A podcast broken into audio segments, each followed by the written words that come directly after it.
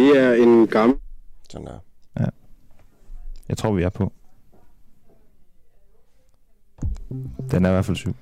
Den er syv. Ja. Oh. Skål, Peter. Skål. Fedt.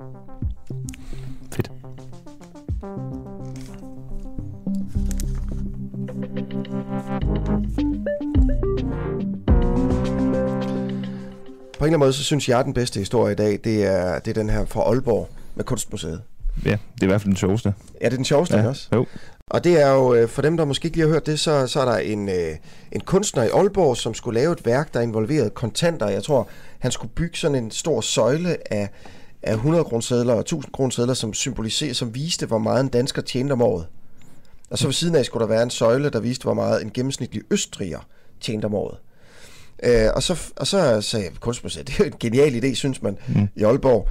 Allerede der går kæden en lille smule af for mig, jeg forstår, jeg, sådan noget forstår jeg ikke. Men øh, øh, så da de skal modtage kunstværket, så får de en kasse, hvor i der er et, øh, en, en billedramme, øh, hvor der står, øh, take the money and run. Og så har han taget øh, alle pengene, kunstneren, og så har han sagt, det, det er kunstværket, der jeg har taget pengene. En halv million. Ja. Ja, det er også lidt... Øh, det, jeg kan vide, om det er et PR-stunt. Om øh, den her museumsdirektør er helt med på, at de her penge, de forsvandt fra starten. Tror du det? Ja, det er ikke noget, jeg tror. Men alligevel lidt. Altså, det ved jeg ikke. Nu må vi se til, øh, til, til hvad han siger. Okay, prøv at, Ja. Der er spørgsmålet her, om det her det er, det er kunst. Det er vel på en eller anden måde det ene spørgsmål, om, om det her det er på en eller anden måde genialt, ikke? Og ja. så skal man øh, skrive ind til os 1245, man skal skrive DUA, D-U-A-H, et mellemrum, og så skal man skrive, det er genialt. Man kan også skrive, øh, vi er fuldstændig til grin for, øh, for, for vores skattekroner, øh, øh, når det her det ikke bliver politianmeldt på date. Jamen, kan vi vide, om det er god kunst? Altså, måske er det 500.000 givet godt ud. Ja, det kan man selvfølgelig godt Ja, ja, mene, og det kan godt være, men, men ellers så kan man skrive, det, det er fuldstændig til grin Ja. ja. øh, på den samme, den samme sms. Ikke? Ja. Og man kan i øvrigt også øh, blande sig, som altid, på vores øh, Facebook. Ja. Jeg vil lige fremhæve, øh, altså, vi har haft øh, Ulrik Dahlin med øh, stort set øh, hver anden dag i de sidste to uger omkring det her Inger Støjberg rigsretssag. Jeg synes bare lige i dag, at den lidt ekstra, øh, ekstra spændende, fordi øh, nu er det mig, der lige har siddet og udvalgt, hvad for et øh, udpluk, vi skal have med fra hendes video fra i fredags, øh, som var dag 10 for rigsretssagen. Og det ved jeg ikke, hun, altså, helt, altså, hun gør sig bare sgu lidt dummere, end hun er. Altså, hvad hele sagen handler om. Så vidt jeg har forstået, så er sagens kerne, det er vel, om, om hun har øh, udstukket en ulovlig ordre eller ej i forhold til at adskille barnebrud. Er, er det rigtigt? Ja. Ja, ikke? Jo. Godt. Jamen så, så ja, så må vi skulle lige tage det med Ulrik Delin, fordi hun begynder jo at snakke om, øh, jamen det er da lidt mystisk, at Folketinget stemmer en lov igennem, som vil næsten nøjagtigt det samme øh, med de her barnebrud, som, øh, som dengang jeg øh, sad i ministeriet. Og det er også senere i den her time. Øh, klokken er tre minutter over syv. Du lytter til En Uafhængig Morgen. Peter Marstal og Asger Jul er i, øh, i studiet. Det her det er en morgen, hvor resultaterne øh, tigger ind fra Tyskland. Valget dernede er, er overstået. Øh, spørgsmålet er selvfølgelig, hvem får et flertal? Hvem bliver kansler i Tyskland efter Merkel? Det er også en morgen, hvor man jo siger tillykke til Christiania for at have ligget her i 50 år. Det er en gammel militær kaserne, som har ligget forladt i fire måneder.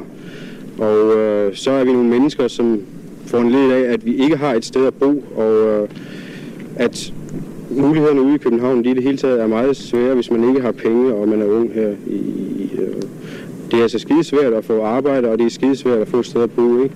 Så læste vi i hovedbladet, at øh, herude der lå en by, som var tom og klar til at flytte ind i. Og det er virkelig et sted, hvor der er muligheder for, at vi kan skabe noget, for at få arbejde og for at få mad, og for at få et sted at bo, uden at vi behøver at betale tårnhøje priser for det. Ja, så det er altså øh, nogle af de ting, vi skal beskæftige os med i dag. Men vi kan lige så godt komme til den første historie. For hvornår stopper sygeplejerskerne deres overenskomststridige arbejdsnedlæggelser rundt omkring i landet? Nu har det stået på i fem uger. Her til morgen, der er det hospitalerne i Kolding og Vejle, hvor sygeplejerskerne holder en pause fra øh, arbejdet for at vise deres utilfredshed med løn og arbejdsvilkår. Luca Pristed, du er talsperson for sygeplejerskerne og hjælper med at orkestrere de her arbejdsnedlæggelser. Godmorgen. Han er muted. Jeg er ikke, jeg er ikke talsperson for sygeplejersken dog. Det er du ikke, hvad er du så? Jamen, jeg har bare været med til at arrangere det på Rigshospitalet. Øhm, altså, hvem, hvem bliver, hvor strækker man næste gang? Nu strækker man øh, her i Kolding og Vejle. Hvor skal det ske næste gang? Jamen, næste gang er det Roskilde. Okay. Altså, hvor, hvor organiseret er det her? Jamen, øh, det er jo sygeplejerskerne selv, der, der arrangerer det her. Jeg har tilbudt på Facebook at hjælpe folk med at arrangere det og stå for, hvordan de kan stable det på benene. Men ellers, så, så synes jeg ikke, at jeg skal tage vil sige, æren for at stå for det. Det er jo alle sygeplejersker selv, der er med til at arrangere de her arbejdsnedlæggelser, fordi vi er utilfredse med arbejdsvilkårene, og at vi mangler kollegaer. Ikke? Jo, altså du kan alle jo ikke gøre det. Altså det er vel, der er vel nogen, der gør det. Det er vel en eller anden form for organi- organisation på en eller anden måde. øh. Hvem er det, der står for ikke, det? faktisk. Det er bare, det er bare en, øh, altså sygeplejersker, helt menige sygeplejersker, der gør, gør, arrangerer det via ja. Facebook-grupper og online. Ja. Hvordan, kan du, hvordan ved du så, at næste gang så er det Roskilde? Jamen, jeg, hver gang at øh, folk siger, at de vil gøre det, så inviterer jeg dem ind i en gruppe, og så snakker vi sammen om det og ko- koordinerer, hvornår vi synes, det vil give mening at gøre det. Hvem er det, der inviterer dem ind i den gruppe der? Ja, hvad tænker du på, når det er netværk der? Det er vi forskellige, der er. Alle, alle os, der har stået for at arrangere de her arbejdsnæggelser hele rundt om landet, har jeg inviteret i en gruppe. Så der er ikke noget sådan super hemmeligt. Og, Nej, nej. Hvem er det, der, er det dig, der inviterer dem ind i gruppen? Det var bare det. Det er jo både mig og de andre, der også har været med til at arrangere det. Så vi er en masse sygeplejersker, der står for det. Ja. Og hvad er det for en gruppe? Fra sygeplejersker i hele landet. Ja. Hvad er det for en gruppe? Altså, jeg prøver bare at finde ud af, hvor organiseret det her er. Jamen, det er ikke organis- mere organiseret, at der er en Facebook-gruppe, hvor folk, der har, har lyst til at lave arbejdsnedlæggelser, de bliver inviteret ind, og så kan de både blive inviteret af mig og alle andre i gruppen. Jo. Ja. Hvem bestemmer så, at det er Roskilde næste gang? Det koordinerer vi bare sammen. Hvad, er det, hvad, hvad med efter Roskilde? Hvad, hvad er det så? Jamen, øh, det kan jeg ikke sige, desværre. Det er hemmeligt. Okay, men det ved du godt, simpelthen. Ja, vi har planlagt det i mange uger frem. Og hvad, så ved du også, hvem det er? Altså, hvad der kommer bagefter, det der kommer efter Roskilde? Ja, Og hvad med efter det? jamen det, vi, ved, vi ved det mange uger frem. Jeg kan så ikke sige, hvor, hvor det er henne. Øhm, Hvorfor ikke? med det, fordi at det, så kan arbejdsgiver og Dansk Sygeplejeråd reagere på det. og Det ønsker vi jo ikke, de gør. Hvad kunne de gøre? Arbejdsgiver vil jo prøve at tale med medarbejdere fra arbejdsnedlægge, og DSR har jo pligt til at gå ud og prøve at få- opfordre folk til at genoptage arbejdet også, ikke? Jo, men hvad kunne det gøre? Det retter I jo ikke efter alligevel, jo. Der er nogen, der retter sig efter det. Det er for at beskytte hinanden, at vi gør det, ikke? Og det er også for i sidste ende at beskytte DSR. Okay, så, så det, det virker som, øh, som om, det er rimelig velkoordineret, kan man sige, Ja, det kan man godt sige. inden fra en, øh, en lukket Facebook-gruppe. Ja, Ja, og dem, der sådan sidder og koordinerer, altså dem, der, der er jo altid nogen, der ligesom tager initiativ og leder sådan nogle, sådan nogle, øhm, sådan nogle organi- organisationer, som en lukket Facebook-gruppe er. Hvem Mhm. er det? Er det en, er nogle af dem tillidsmænd? nej, det er de ikke. Det er, altså, vi er alle sammen enige sygeplejersker. Jeg, jeg synes ikke, at altså, der er ikke nogen ledere. Der er ikke nogen, der bestemmer. Alle har lige meget skulle have sagt. Og, og det, vi er bare sygeplejersker, der er trætte af de arbejdsforhold, vi er under. Og synes, at det er vigtigt, at øh, der kommer noget opmærksomhed på fastholdelse og rekruttering. Og jeg synes, at vi har haft stor succes med det. Mm. Så Anders Kyner har været ude og udtale, at nu skal der flere penge på bordet. Og vi har også skabt ret meget opmærksomhed om vores sag på rigtig kort tid. Så det er jo derfor, vi gør det, og det er derfor, vi fortsætter. Hej Luca, vi er, øh, vi er to værter herinde. Mit navn er Peter. Hej Peter. Hej, hej Luca. Øh, Jeg vil bare lige hurtigt øh, prøve at fange noget af det, du sagde før, med at de planlægger mange uger frem. Jeg vil bare lige høre, hvor mange uger frem har I planlagt det her? Det kan jeg heller ikke fortælle. Hvorfor, hvorfor ikke? Fordi at vi, skal, vi må ikke give for meget information til vores arbejdsgiver og, og politikerne. De skal bare vide, at vi fortsætter med det her, indtil at de tager problemet seriøst. Men, men antallet af uger, er det ikke underordnet for arbejdsgiver? De ved jo alligevel ikke, hvor det rammer dem. Nej, fordi hvis, vi er, hvis jeg fortæller, hvor mange uger vi har planlagt det, så kan det være, at de tænker, nå, men så det slutter det efter det. Det gør det ikke. Ja, okay. Jamen, det kan også være, at I bare får nogle, øh, nogle af de krav, I gerne vil have. Altså, det kan være, at I får de her bedre arbejdsvilkår, hvis de ved, okay, der er 20 uger frem. Det kan vi se frem til, at det her det bliver noget, øh, noget rigtig pis. Det er i hvert fald mange uger frem, okay. og kan jeg godt fortælle. Men Ja. øh, så jeg håber, at de kan gøre noget ved det og tage det seriøst. Det er ikke noget, der bare forsvinder af sig selv. Okay. Øh, Luca, det er også noget med, at du stiller op som formand for DSR's kreds Hovedstaden. Øhm, Ja, det har jeg gjort. Ja, det har du gjort. Og øh, det er noget med, at du også har kaldt øh, Grete Christensen, den nuværende formand, for en levebrødspolitiker. Jeg har ikke kaldt nogen øh, levebrudspolitikere. Jeg har, bare, jeg har sagt, at jeg er bange for, at vores fagforening med de lønninger, der er, og lang tid folk sidder derinde, at de kunne blive levebrudspolitikere, men jeg har faktisk ikke kaldt nogen Okay. ved navn levebrudspolitikere. Mener du, at hun er en levebrødspolitiker? Jeg mener, at, øh, at vores fagforening i hvert fald har brug for noget udskiftning, når der er nogen, der har siddet i, i fagforeningen i 10, 20, 30 år, uden at blive udskiftet eller udfordret på posterne. Ja, okay. Øhm, men øh, med det, jeg egentlig tænkte, da jeg så, at du ville stille op, så tænkte jeg, altså, hvis jeg lige må stille et scenarie op for dig, fordi Mm. vi havde jo øh, for nogle uger tilbage, dengang strækken stadig kørte, så var øh, Anders Kynav og Grete Christensen jo til nogle forhandlinger. Så sagde Anders Kynav blandt andet, at øh, jamen, han ved ikke, hvad for nogle krav øh, Grete Christensen kommer frem med. Det er som om, hun ikke rigtig har nogen krav, og for, det, og for, og for resten, så har jeg ikke nogen penge at forhandle for. Mm. Hvad, hvad ville du have gjort konkret anderledes end, end Grete Christensen i sådan en uh, situation der? Altså, jeg, sy- jeg tror, jeg synes, det er synd, at der ikke kom nogen krav på bordet fra, fra sygeplejerskernes side af. Og det kunne have været alt fra, altså det steder, vi vil have 20% lønstigning i grundlønnen, vi vil have samme løn, som lærerne får, vi vil have 4.000 kroner ekstra, du ved. Altså, der skulle komme nogle tal på bordet, for jeg føler, at man kan mødes på midten, eller, eller noget af den stil. Det virkede lidt som sådan en, en barnlig måde at forhandle på, at, at øh, vi siger, eller Grete Christensen siger, "Vi- hvad vil I give? Og Kynav siger, hvad, hvad vil I have? Og så kom den aldrig videre. Okay, Så jeg vil helt klart have haft nogle altså mere konkrete tal på bordet. Jeg tænker, at vores fagforening må vide, hvad vi vil have i Ja. nogle lønforhandlinger. altså så langt var jeg egentlig også enig med dig, det her med, at øh, man vidste ikke, om det var 4.000 eller 5.000, som Grete Christensen sagde. Det var, det var meget forskelligt også, fordi den her løn, det her løngab mellem øh, folkeskolelærer og sygeplejersker, hvis man kigger på tallene, nogle gange var 3.000 i forskel, i grundlønnen var det nogle gange 4.000, men Grete Christensen ja. Ja. var inde i vores program og sige, at vi vil gerne vil have 5.000 mere i løn. Så Mm.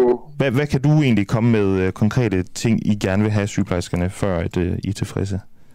Jamen, og det er også derfor, det er svært at sætte tal på, fordi at det handler jo ikke kun om lønnen, det handler jo om, at vi ikke kan fastholde og rekruttere sygeplejersker. Så det deciderede tal, der er brug for, det er jo et tal, der er højt nok til, at folk gider at være sygeplejersker, og folk gider at blive faget, og at nye folk gider uddannelse til sygeplejersker. Og så må de skrue op for det tal, så de kan se, at det begynder at vende den rigtige vej, fordi lige nu så mister vi sygeplejersker hele tiden. Ja, men, men øh, et tal, der er højt nok, hvor højt er det? Hvor højt skal det være? Jamen, jeg synes jo bare, at man skal starte med at altså, hæve grundlønnen 20-30 procent. Og så må vi se, om folk de er tilfredse med det. Okay. Og det er 20 procent af, hvad, 25.000, er det ikke det, en grundløn er for en, øh, for en Jo, nyuddannet sygeplejerske? 25-26.000 ja. cirka. Så, så det, det er 5.000 kroner, 20 procent, det er 5.000 kroner, ikke? Jo. Okay. Men så mellem 5 og 6.000, fordi du siger også mellem, mellem 20 og 30 procent. Okay. Ja, Okay.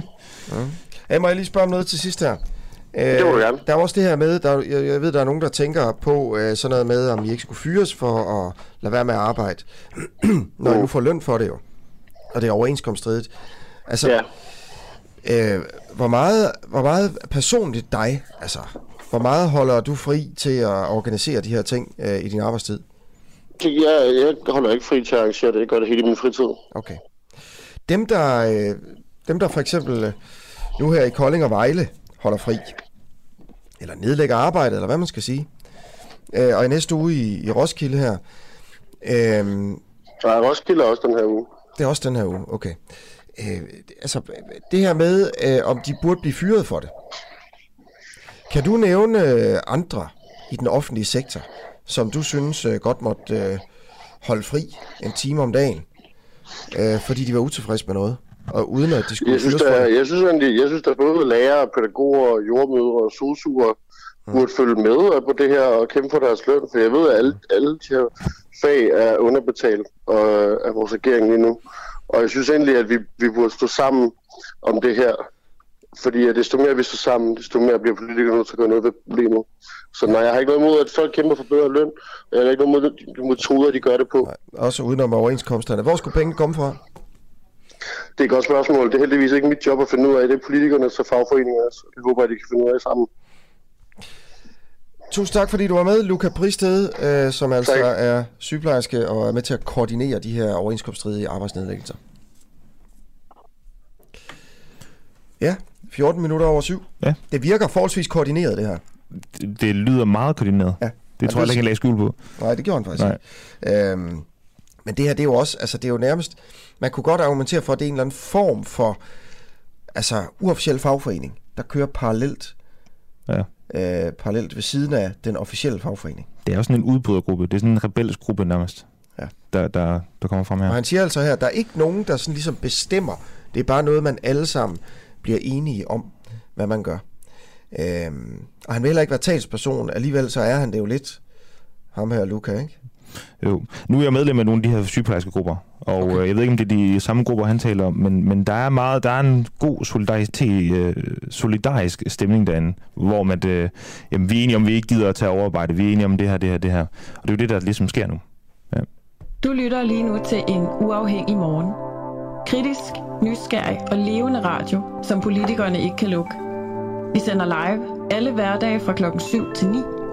Lyt med via vores app på DK4 DAB, fra vores Facebook-side, eller hvis du bor i hovedstadsområdet på FM-båndet 102,9. Tak til dig, som gør det muligt.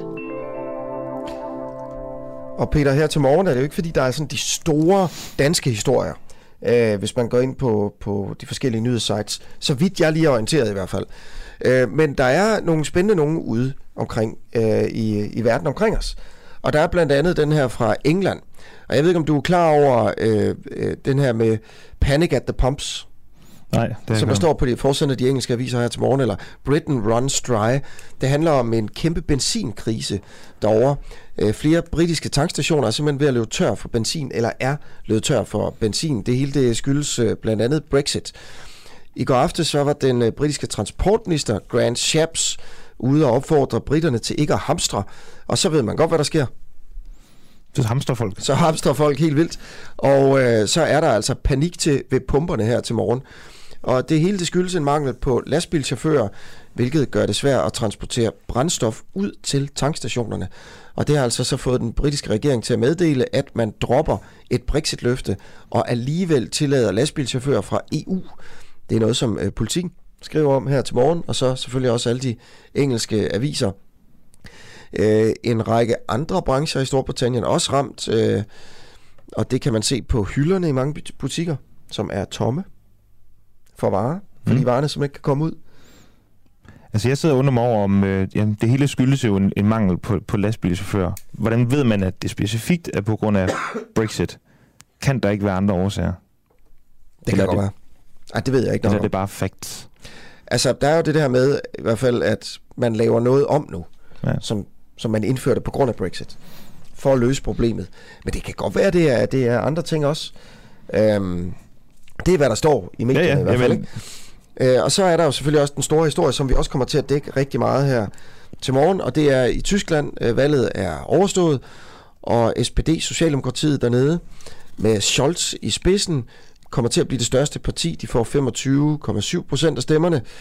Øh, de konservative Merkels parti, eller kristendemokraterne, de får 24,1. Det er ikke sådan super vigtigt, hvem der er størst her. Fordi der er jo ikke nogen, der har over 50 procent. Øh, det interessante er, hvilken blok, der er størst. Ja. Og det ved man ikke endnu, fordi man er lidt usikker på, hvem der vil have samarbejde med hvem.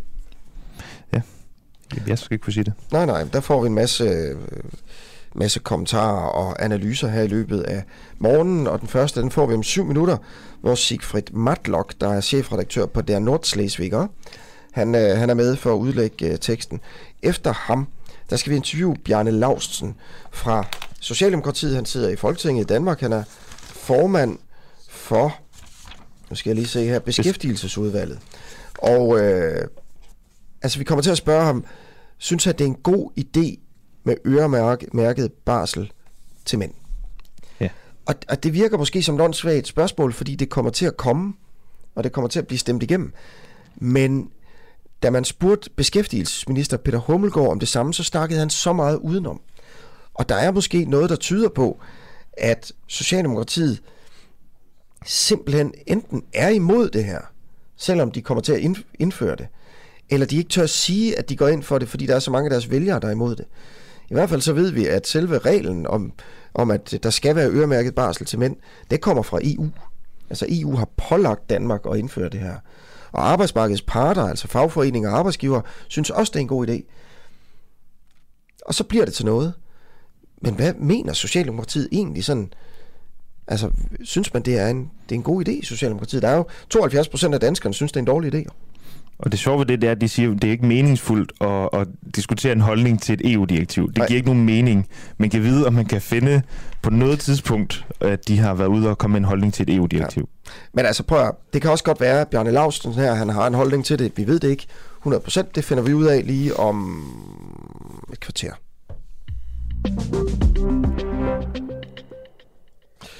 Men først til en helt, helt anden historie ud fra sådan øh, det, det lokale byråds øh, kommuneliv. Øh, og spørgsmålet her er, er, om politikere skal stå til ansvar for deres samlevers holdninger.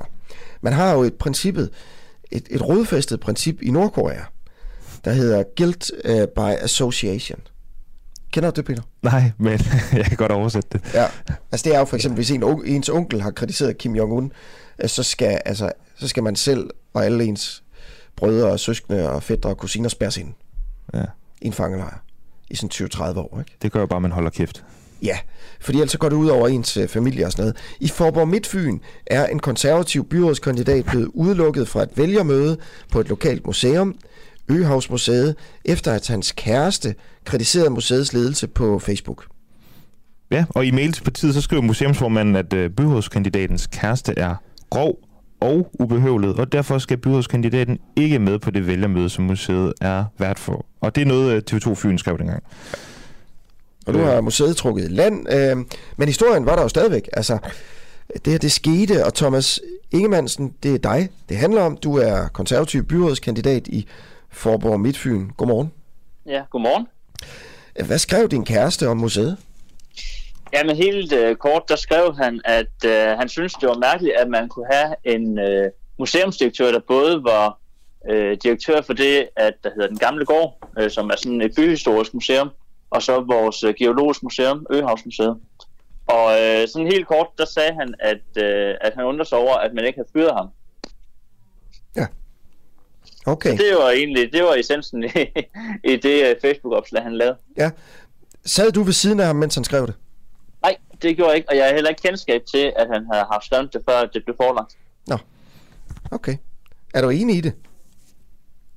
Altså, jeg er i hvert fald enig i, at, øh, at jeg synes, det er mærkeligt, at man kan have et byhistorisk museum, og, øh, og så have sådan en geologisk øh, underjordisk øh, museum, øh, eller i hvert fald som skal fortælle omkring det. Øh, jeg tænker, at den mand, der sidder på, på de to museer, har måske ikke kompetence inden for begge områder, og derfor synes jeg måske, at det var lidt mærkeligt. Så i forhold til, til Peter Thor, der er museumsdirektør, jeg kender ikke hans øh, kompetencer, så derfor så ved jeg ikke, om han er kompetent til at besidde begge opgaver, men jeg kan da undres over, at man har, har delt museet sådan op, som man har. Okay, så, så du er enig. Men så er spørgsmålet jo lige pludselig ikke, om man skal stå til ansvar for sin samlevers holdning, men, men bare for sin egen. Vel? Jamen, det, det kan man godt sige. Altså, man kan sige, jeg, altså, jeg står jo ikke til ansvar for, hvad, hvad min kæreste skriver, hverken øh, i Facebook eller i avisen, eller hvad han nu end måtte skrive. Øh, men det kan da godt være, at jeg deler holdninger med ham nogle gange. Det skal jeg ikke kunne ud. Øhm, undskyld. øhm, der, der har været debat om det her i TV2 Fyn også. Ja. Øhm, og altså, der, der svarede formanden, som udelukkede dig, at, øh, at du har jo ikke taget afstand fra din kærestes ytringer på Facebook. Og derfor så må man tage som udgangspunkt, at, at du mener det samme. Ja, det er rigtigt. Men så igen, som vi lige snakker om i, i, i Korea, jamen, hvornår skal man så tage afstand? Skal jeg også tage afstand fra min forældres holdning, min søskendes holdning, øh, min onkels holdning for den sags skyld? Mener han Øh, noget det særligt? synes jeg. Din onkel? Øh, det, det ved jeg sgu ikke, om man gør. Nej, jeg gør sgu ikke. Men jeg, altså, jeg tænker lidt, at, at vi har ytringsfriheden her hjemme i Danmark. Og man har jo valgt, at vi har et demokrati, og derfor så har man også lov til at ytre sig, øh, som man har. Og den, den besked og det, man nu skal gøre, skal bare ikke være nedsættende over for den anden og, og krænke sine ære, hvis man kan sige sådan. Øh, og så lang tid det er det, jamen, så synes jeg, at man skal kunne ytre sig øh, så frit. Synes du, at det ville være i orden, hvis det var dig, der havde kommet med den her udtalelse, og så blev udelukket fra, fra valgmødet? Jeg vil i hvert fald sige, at, øh, at, at ikke, ikke helt. Altså, jeg kan godt forstå, at, at han måske som øh, Jakob Holm, der er bestyrelsesformand, måske har undret sig lidt mere. Øh, men derfor mener jeg stadigvæk ikke, at man skal udelåse, fordi man har stadigvæk sin ytringsfrihed. Og i den besked, at der er sendt, jamen der er ikke noget, der indikerer, at jeg skulle øh, krænke nogens ære, eller, eller noget den stil, hvor man kunne sige, at det var, var grænsen til, hvad man nu måtte. Okay, så uanset om det var din øh, partners øh, holdning eller din egen, så, så var det ikke okay? Det er din Nej. holdning?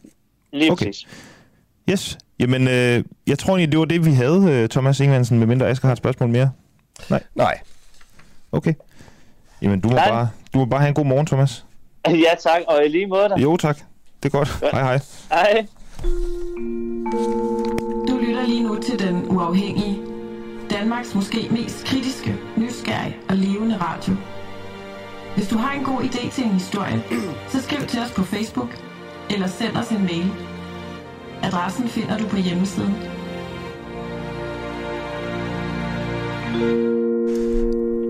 Inden vi øh, bevæger os videre, skal vi lige have en, øh, en lille kuriøs nyhed her, som øh, det er egentlig et ord, jeg har fået fra vores anden vært, Alexander. Jeg ved ikke, hvorfor jeg begynder at sige det nu. Men, øh, men det er et ord... Øh, nej, det, øh, nyhed. Jamen, det er, Alexander siger det hele tiden. Han siger, at en historie er kuriøs, og en nyhed er kuriøs. Okay. Ja, men det, det er hans ting. Den skal jeg Jeg synes, den her ikke- er kuriøs. Ja, men det er den. Det er også derfor, jeg ikke kunne, sige andet. Nå, det er noget med, at uh, Taliban de vil, eller forbyder at barbere, øh, øh, barbere, altså en barber og trimmeskæg. Øh, man vil blive straffet som frisør, hvis man, øh, hvis man trimmer eller barberer kundernes skæg. Det er noget, øh, Taliban advarer, og det er noget, Ekstrabladet skriver, og det skriver om andre medier også her til morgen. Øh, Taliban de har forbudt øh, frisør i, i Helmand-provinsen at klippe øh, og trimme kundernes skæg. Og det er også nogle frisører i øh, hovedstaden i Kabul, der har fået at vide, og ja, der står egentlig bare det samme med at blive straffet. Der er ikke rigtig nogen øh, mere konkretisering af, øh, hvad en straf er. Jeg ved ikke, om det er at hugge hånden af. Det er jo noget, de har fået genindført. Øh, og givet om det er også henrettelse for at barbere. Det ved vi jo ikke. Jeg tror det ikke, men, men lige det ved vi ikke. Øh, og man har ikke ret til at klage, det siger Taliban. Øh, og det er en besked, øh, som BBC har set, så det jo virker jo troværdigt nok.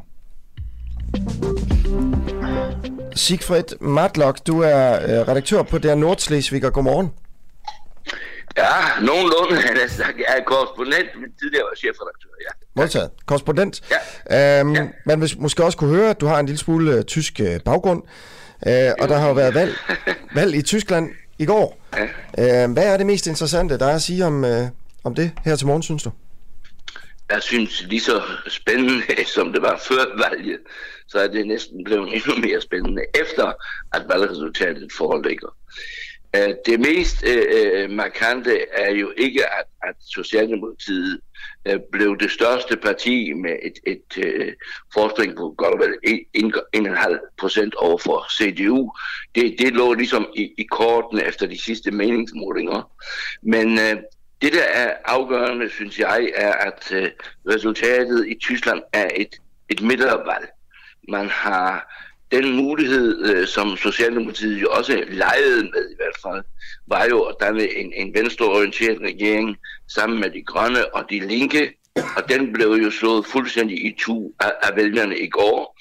Og på den anden side kan man sige, når man så har sagt nej til de, til de mere yderliggående venstreorienterede, så har man i Tyskland jo sagt lige så klart nej øh, overfor de højere øh, yderliggående kræfter, nemlig AFD, som, som øh, synes jeg heldigvis har fået en, en, en tilbagegang. Så det er et midtervalg, og derfor er der kun to øh, øh, øh, partier, som, som øh, jeg kan danne regering, men der er også to partier, som, som har nøglen til øh, ligesom en, en vetoret, og, og det er, de grønne har en vetoret over for det, man kalder Jamaica-koalition under ledelse af CDU, og øh, de grønne sammen med de liberale, der kan de grønne nedlægge veto. Omvendt kan de liberale nedlægge veto over for det, som Socialdemokratiet selvfølgelig drømmer om, en regering sammen med Socialdemokratiet, de grønne og de liberale. Så det er et meget spændende spil, og, og det mest øh, interessante på valgaftenen var jo ikke kun, at de to øh, ledende partier, både Scholz og, og, og, og Laschet, sagde, at de ville prøve på at forhandle øh, et, et regeringsgrundlag, for i Tyskland skal man jo have absolut flertal for overhovedet at kunne danne regering.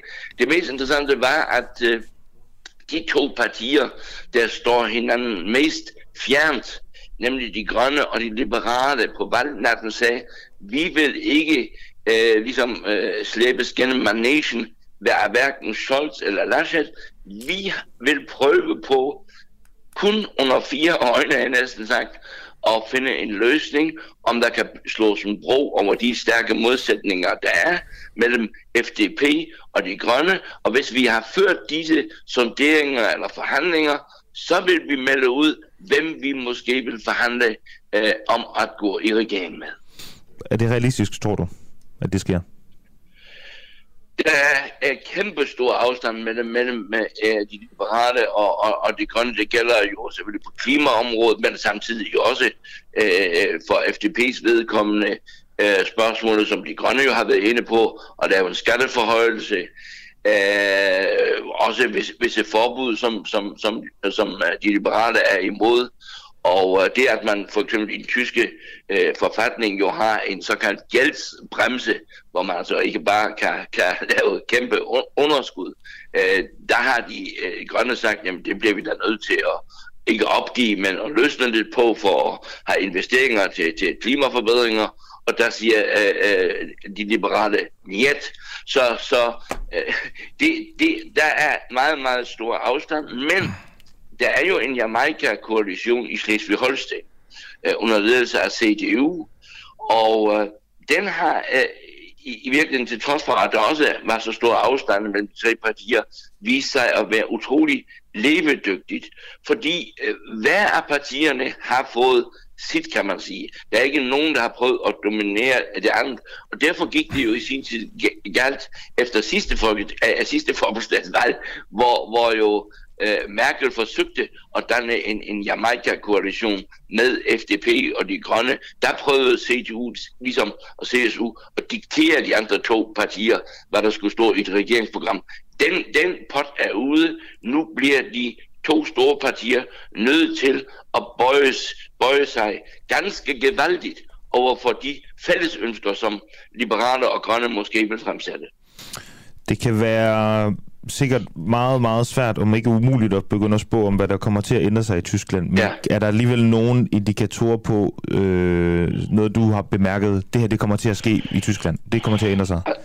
Altså, når jeg siger, at, at det var et midtarbejde, så betyder det jo, at der under alle omstændigheder vil være et borgerligt parti, borgerligt liberalt parti i en ny regering. Ellers kan der ikke dannes noget som helst. Så, så øh, det er ligesom det der er garanti for de borgerlige vælgere, at de siger, okay, øh, så vil vi godt gå med, for eksempel i en regering med Socialdemokratiet og de grønne, bare vi har styr på økonomien. Det, det betyder jo meget øh, for tyskerne.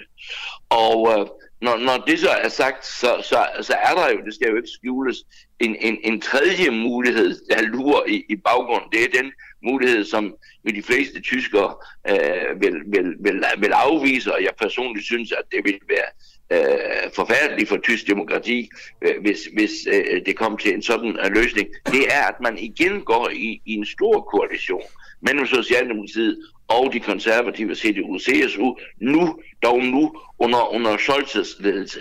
Øh, det, det er den, den ud, sidste udvej, kan man sige, øh, Tyskland har, hvis man ikke kan, kan få en, en, en regering hen over, over, over midten. Øh, øh, øh for ellers, ellers må man jo lave nyvalg, og, og det, det vil jo være katastrofe i, i Tysklands nuværende situation, fordi man jo også understreger, man vil, det har alle partier sagt, øh, man vil have en regering inden jul, fordi det haster, ikke kun i Tyskland, men også fordi Europa venter på, på en afklaring i Tyskland. Okay, uh, Sigrid Matlock. Uh, forresten er jeg vild med dit navn. Det lyder næsten som en skurk fra noget Sherlock Holmes. Det håber jeg ikke, du bliver ked af, jeg siger. nej, nej, nej. Okay. Altså, alle journalister er jo, er jo skurke i virkeligheden. Ja, det er det. altså, som, Hel, som Helmut Schmidt engang sagde, hos, blandt journalister er det ligesom blandt politikere, der finder statsmænd og forbrydere. Og hvad er du? Sigfrid? Ja, altså jeg er jo, hvis jeg skulle være uh, ikke høflig, men ærligt, så tror jeg midt imellem, ikke? Det kan man jo I ikke være. Det er jo enten eller. Det sagde Helmut Schmidt selv. Det er enten eller. Nej, det, nej han, sagde, han sagde ikke, øh, at man ikke også kan lave kompromiser med sig selv, har næsten sagt. Nej. Det skal man jo kunne i politik, og også i journalistik en gang imellem. Matlock. Godt. Ja, godt. Danke. Sehr gut. Ja. Danke moin, moin, farvel. Moin, Hej. Hej. Hej. Hej. Hej. Vi skal lige have øh, en lille bitte snas fra... Øh, fra Dansk Folkepartis øh, øh, årsmøde. som vi jo var til. Og der bliver simpelthen så mange gode lyde, så vi tager bare en lille, en lille en, og så går vi videre. Jeg kan jo se, at du er fuld Danmarks farver i dag. Ja, det er jeg altid til de her arrangementer. Du har både et Danmarks på og en rød blæser. Hvor, hvorfor har du det på? Jamen altså, det, øh, det har jeg jo, fordi at, øh, jeg godt kan lide øh, mit land og mit flag, og, og derfor så øh, klæder mig jeg jo gerne det farver. Det, øh, jeg har gået med det her tøj til partiets arrangementer i de sidste seks år. Øh, hvor meget elsker du Danmark? Jamen altså, jeg, øh, jeg elsker det rigtig meget. På en, på en skala fra 1 til 10, jamen så tænker jeg, det er et stort t-shirt. Altså, jeg har, jeg har et stort dannebrudslag hængende på, på, på væggen derhjemme blandt andet. Ja, faktisk mit sengetøj, det, det, det er rødt og hvidt. Dit sengetøj er i Danmarks farver? Øh, ja, altså, øh, altså mit lagen det, det er rødt, og så øh, dyner og pudebetræk, de er hvide. ja, og klokken er øh, minutter over halv 8. Jeg ved godt, jeg har øh, en lille smule kriller i halsen i dag, øh, og det kan man måske også høre. Og så har jeg altså lige fået et bolsje her. Øh, så stor tak til Kim øh, nede fra øh, receptionen, som lige har kommet op med to bolcher. Øh, og nu til en rigtig interessant historie. Og den, det, det her interview, der kommer nu, altså det kan, det kan gå alle mulige veje, tænker jeg faktisk. Hvis, hvis det går samme vej, som det gik med øh, beskæftigelsesminister Peter Hummelgaard, så synes jeg, det er super interessant, men det kan også være, at det, det, det bliver helt anderledes. Spørgsmålet her er, om Socialdemokratiet egentlig gerne vil have mere øremærket barsel til mænd. Det er jo noget, der kommer til at blive til noget, fordi EU siger, at det skal vi have. Det skal vi simpelthen implementere, og, øh, og det skal gøres inden sommeren 2022. Så er arbejdsmarkedets parter, de har sat sig ned, og de har så fundet ud af, jamen så gør vi det sådan og sådan. Og øh, så er der altså kommet et oplæg til Beskæftigelsesministeriet, øh, som så skal få det her igennem Folketinget. Og de fleste danskere er imod. 72 procent af danskerne siger, at øremærket barsel til mænd, det er ikke noget, man skal lovgive om. Det er jo sådan i dag, at øh, man kan godt vælge, at for eksempel moren skal tage al barselen eller faren skal tage al barslen, det kommer til at blive lavet om, sådan at man skal tage halvdelen. Øh, moren skal tage halvdelen, og faren skal tage halvdelen. Fordi at det jo bliver en lov. Bjarne Lausten, det er dig, vi skal, vi skal snakke med om det her. Godmorgen. Godmorgen. Du er formand for Beskæftigelsesudvalget for Socialdemokratiet. Øh, kommer ja. du til at stemme det, altså kommer, kommer I til at stemme det igennem Folketinget, det her? Men som du selv redegør for, så er det jo, øh, så er det jo EU øh, lovstof det her, og vi skal implementere det i Danmark. Og det har vi en god tradition for, at når vi skal implementere noget, øh, så spørger vi arbejdsmarkedets parter. De er så sjovt nok blevet, til, øh, blevet enige efter mange år, og de politiske partier har jo også drøftet internt med hinanden og sig selv og deres vælgere om, hvordan man skal øh, ordne det her. Fordi at normalvis så siger vi jo, at øh, nødderne, dem knækker vi selv. Vi finder selv ud af det i Danmark, ja. og øh, både lønmodtagere og arbejdsgiver finder selv ud af, hvordan det er. Og det, det er det gode ved det her, og derfor tænker jeg også, at øh, det har gode chancer for at blive til noget. Nu skal vi jo ikke skyde bjørnen, før skinnet er solgt, eller omvendt, men øh, det her det ligger til, at øh, vi kan sætte os sammen med de politiske partier og finde ud af et system, ja. øhm, og, og der er mulighed for både at trække til og fra, men øh, jeg tror, at det er et godt udgangspunkt, øh, parterne har fundet. Ja. Man skal jo altid skyde bjørnen, før man kan sælge skinnet. Ja. Ja. Men, men det er også lige meget. Men altså, når det kommer til afstemning om øremærket barsel, stemmer du så ja? Ja, hvis vi får lavet en aftale, og der er, øh, der er en øh, opbakning til det i Folketinget, så stemmer jeg selvfølgelig så stemmer ja. du ja. Fordi, Synes ja, det du, det er en god idé at indføre øremærket barsel til mænd? Altså, hvis du ikke var tvunget til at gøre det af EU, ville du så have gjort det alligevel? Nu, nu står vi et, et, et nyt sted, efter man har diskuteret det her i overvis, og der skal træffes en, en beslutning om det. Ja. Og hvis det er sådan, at uh, vi får lavet den her brede aftale, så stemmer jeg selvfølgelig ja. Men vi kommer helt til hen af både her i efteråret og i foråret at have gode snakke uh, med, med hinanden og, og de politiske partier imellem, og, og se, hvad det er for noget. Jeg tror også, der ligger lidt ukendskab til det. Men det, der er det springende punkt i det her, det er jo, at vi øh, i Danmark og mange andre lande ønsker at fremme den ligestilling mellem, øh, mellem kønnene. Det drejer sig også om, når man er mor og far. Og jeg har den holdning til det, at en far kan være lige så god til at passe øh, barnet som moren. Ja. Og øh, hvis vi vil ligestilling, fordi den er jo skæv i forvejen i forhold til løn og så videre. Og jeg tror, det er det, der er årsagen til, at mange, når de har siddet stærke hjemme, de har fået et barn, sidder og snakker hvem skal egentlig tage barslen? Jamen, hvis faren tjener mere end moren, så bliver det til, at det er moren, øh, der tager barslen, fordi så den samlede økonomi er bedre. Så derfor er der også et økonomisk spørgsmål for ja. mange familier i det her, om man skal vælge det. Okay. Og så har du så argumenteret øh, for, for, for, for det her, men jeg, jeg bider også lidt mærke i, jeg synes, du svarer udenom, Bjarne Lausten. Og det kan godt være, at det er mig, der hører helt forkert her. Så, så du prøver lige at stille spørgsmålet igen. Altså, vil, vil du gerne have det her indført i Danmark, altså øremærket barsel, hvis du ikke var blevet pålagt det af EU? Jamen, vi er blevet pålagt, at vi skal have øh, barsel.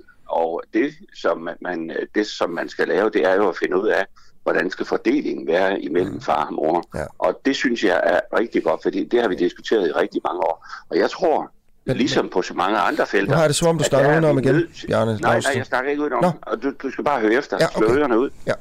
Slå ørerne ud.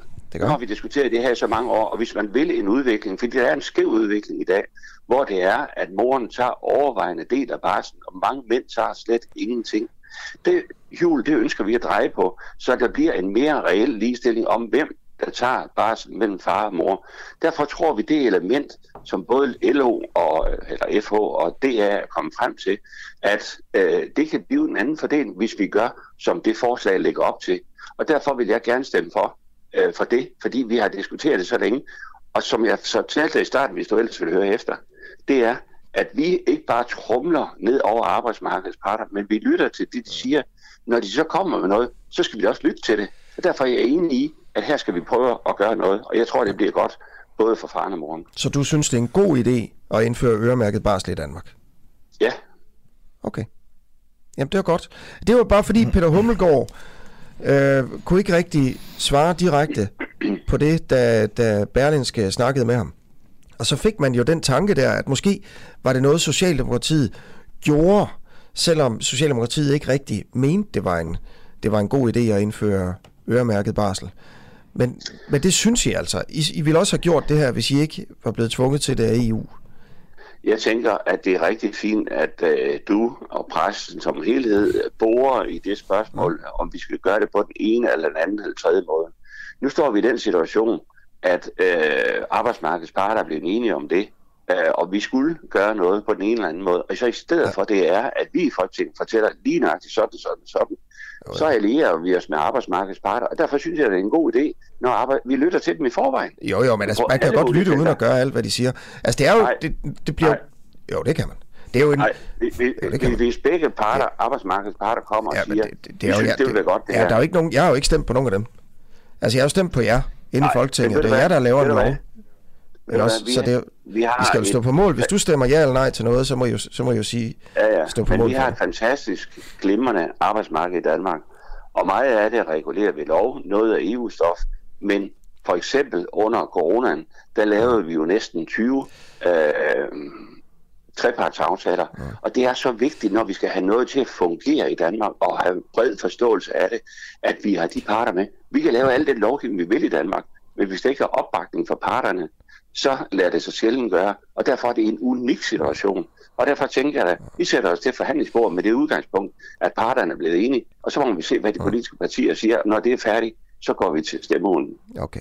Så vi kan altså sige her til morgen, at øh, Socialdemokratiet synes faktisk, at øremærket barsel øh, til mænd er en god idé. Man gør det ikke kun fordi, at man er blevet pålagt det af EU, man, man stemmer det faktisk igennem Folketinget, fordi man selv synes, det er en god idé at indføre det. Vi vil gerne have fundet en løsning, således at den, øh, Det ja. også når det drejer sig om barsel mellem far og mor, Ja. ja. at den bliver mere reelt, end den er i dag. Så det er rigtigt, hvad jeg siger her. I stemmer det igennem Folketinget, fordi I selv synes, det er en god idé. Selvfølgelig vil vi gerne have finde en løsning, når parterne er kommet og sagt, at det her det vil vi foreslå. Ja, så det, Så det, hjælper vi dig med at få det gennemført. Så det er et ja til det. Må jeg godt lige spørge om noget andet så? Øhm, der er måske også nogen, der sidder og tænker, mens de lytter på det her. Altså, hvornår øh, har vi givet øh, den der kompetence til EU? At EU skulle have ret til at pålægge øhm, lande og indføre sådan noget som øremærket barsel? Altså, hvornår er det, siden hvornår er det blevet noget, der skulle vedtages af, af EU? Og det er jo det, der er sket her, at EU-direktiv øh, har pålagt medlemslandene at indføre mindst 9 ugers øremærket barsel til begge forældre senest 2022. Ja. Altså, det er fint for mig, at du og dine lyttere kan få et grundkursus nu i, hvordan og hvorledes vi laver arbejdsmarkedspolitik i EU. Det er sådan, at når man øh, kommer fra EU's side, øh, og det er jo en del af det indre marked, det her, at de kommer og siger, at vi vil gerne have en løsning på det. Det er jo også danske EU-parlamentarikere, der er med til at bringe det her frem og sige, at vi skal øge ligestillingen i EU. Og det er jo rigtig godt. Og når de så har gjort det, øh, så kommer der jo et forslag, og det har vi jo behandlet mange gange i Folketinget. Det hele det danske folketing har jo indflydelse på det her hele vejen, sammen med de danske EU-parlamentarikere. Og nu, øh, nu ligger der så et, øh, et, et, et direktiv, som i stedet for, at det er direkte lov, så får vi selv lov til i Danmark at, at, at give vores aftryk på det, hvordan det skal være. Så det betyder, at det her det kan være forskelligt fra Grækenland til Danmark. Ja, ja. Derfor er det en dansk model, der har, der har kommet og foreslået det her. Ja. Og det er jo derfor, jeg siger, at jeg er meget tryg ved, når ja. vi har parterne med. Men det er jo, det er jo en bunden opgave at indføre mindst ni ugers øremærket barsel til begge forældre. Og den opgave, vi den kommer fra EU. Have en øget ligestilling ja, jamen, i Danmark. Og e Hvornår var det, vi gav EU den magt? Kan du huske det, Bjarne? Fordi jeg kan ikke huske det. Det har jeg lige fortalt dig. Det var i forbindelse med det indre marked. Og hvornår var det?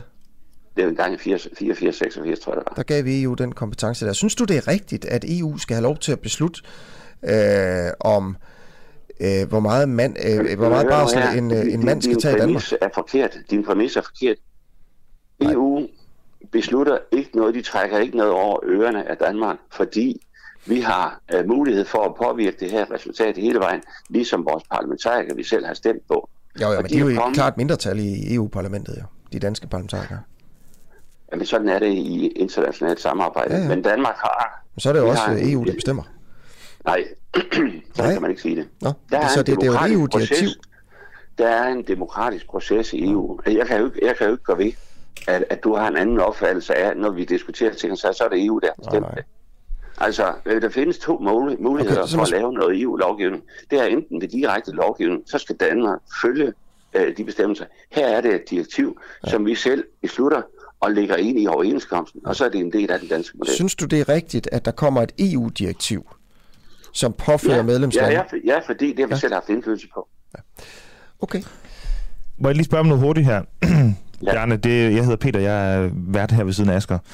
Nu er jeg ikke lige så gavet en journalist som, som Asger, så jeg tillader mig lige at være naiv bare lige et øjeblik.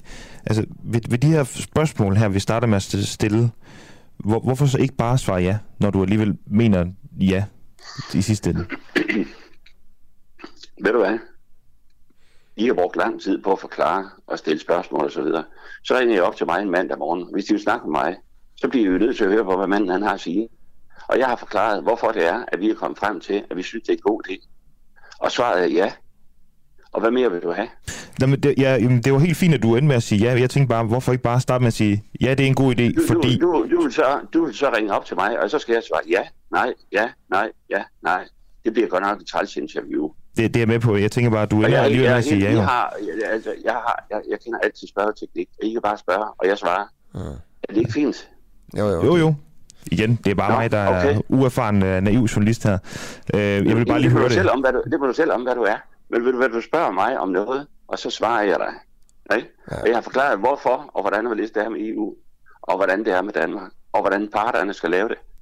Altså, øh, jeg synes, du har fået svar på alt, hvad du kan ønske dig. Det, det har vi, Bjarne. Men, og det vi, har vi. Og hvis, hvis du gerne vil vide, jamen, jeg er jo, jeg er jo europæer, og jeg synes, at det er også godt i de andre lande, at der er ligestilling, lige så vel som det er i Danmark. Og det har man lavet en aftale om. Det skal vi implementere i Danmark. Det er det, det handler om. Mere besværligt er det sådan set ikke. Nej, nej, og det, det er så helt kan man sige, Så kan man sige, og det er det store springende punkt, og det har vi også diskuteret, det er, skal man lovgive om sådan noget? Skal det bestemmes, at faren skal tage sig også af mig, og moren skal tage sig også af mig? Det kan man godt diskutere, og det er det, jeg siger. Det kommer vi til at diskutere her i efteråret og i foråret, inden at vi får lavet en aftale, som vi i Danmark skal bestemme om, hvordan den skal implementeres. Yes, Bjarne, og det var kun i forhold til det her, om det var en god idé eller ej. Det var det, var det eneste, jeg spurgte ind til. Hvorfor ikke bare sige ja, når du er med at sige ja? Men det er også lige meget. Jeg, jeg skal ikke... Uh, det har vi fået svar på. Det vil også blive åndssvagt interview. Ja, nej, ja, nej, ja, nej. Altså, man skal jo også ligesom... Ja, det er også lige meget.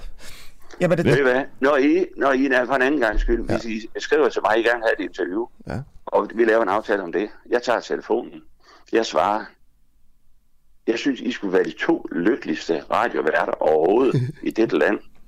Altså, øh, der er masser af andre, der vil sige nej.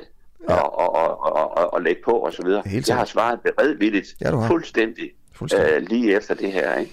Og, og der er det element i det, at der er EU, der har foreslået sådan og sådan. I Danmark, der har arbejdsmarkedsparter lavet sådan og sådan. Den ligger på vores bord. Og derfor kan du ikke bare lige svare ja eller nej.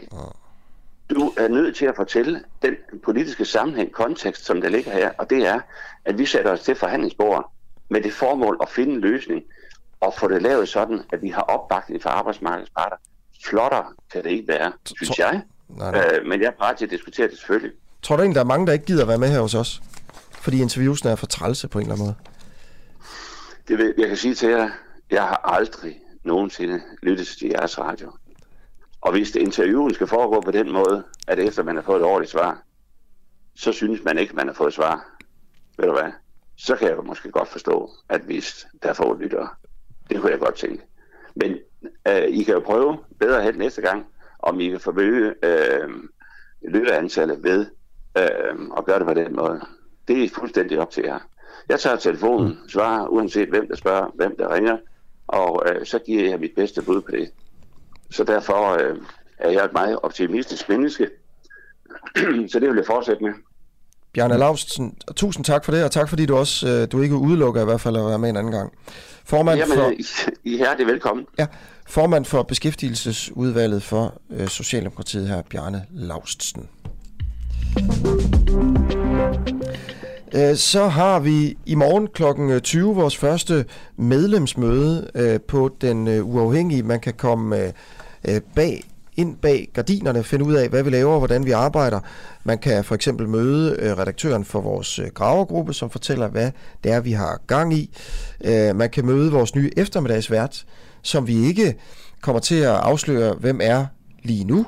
Øhm, men det er, hvad kan vi sige, det er en mand i hvert fald, og programmet starter her den, øh, den 1.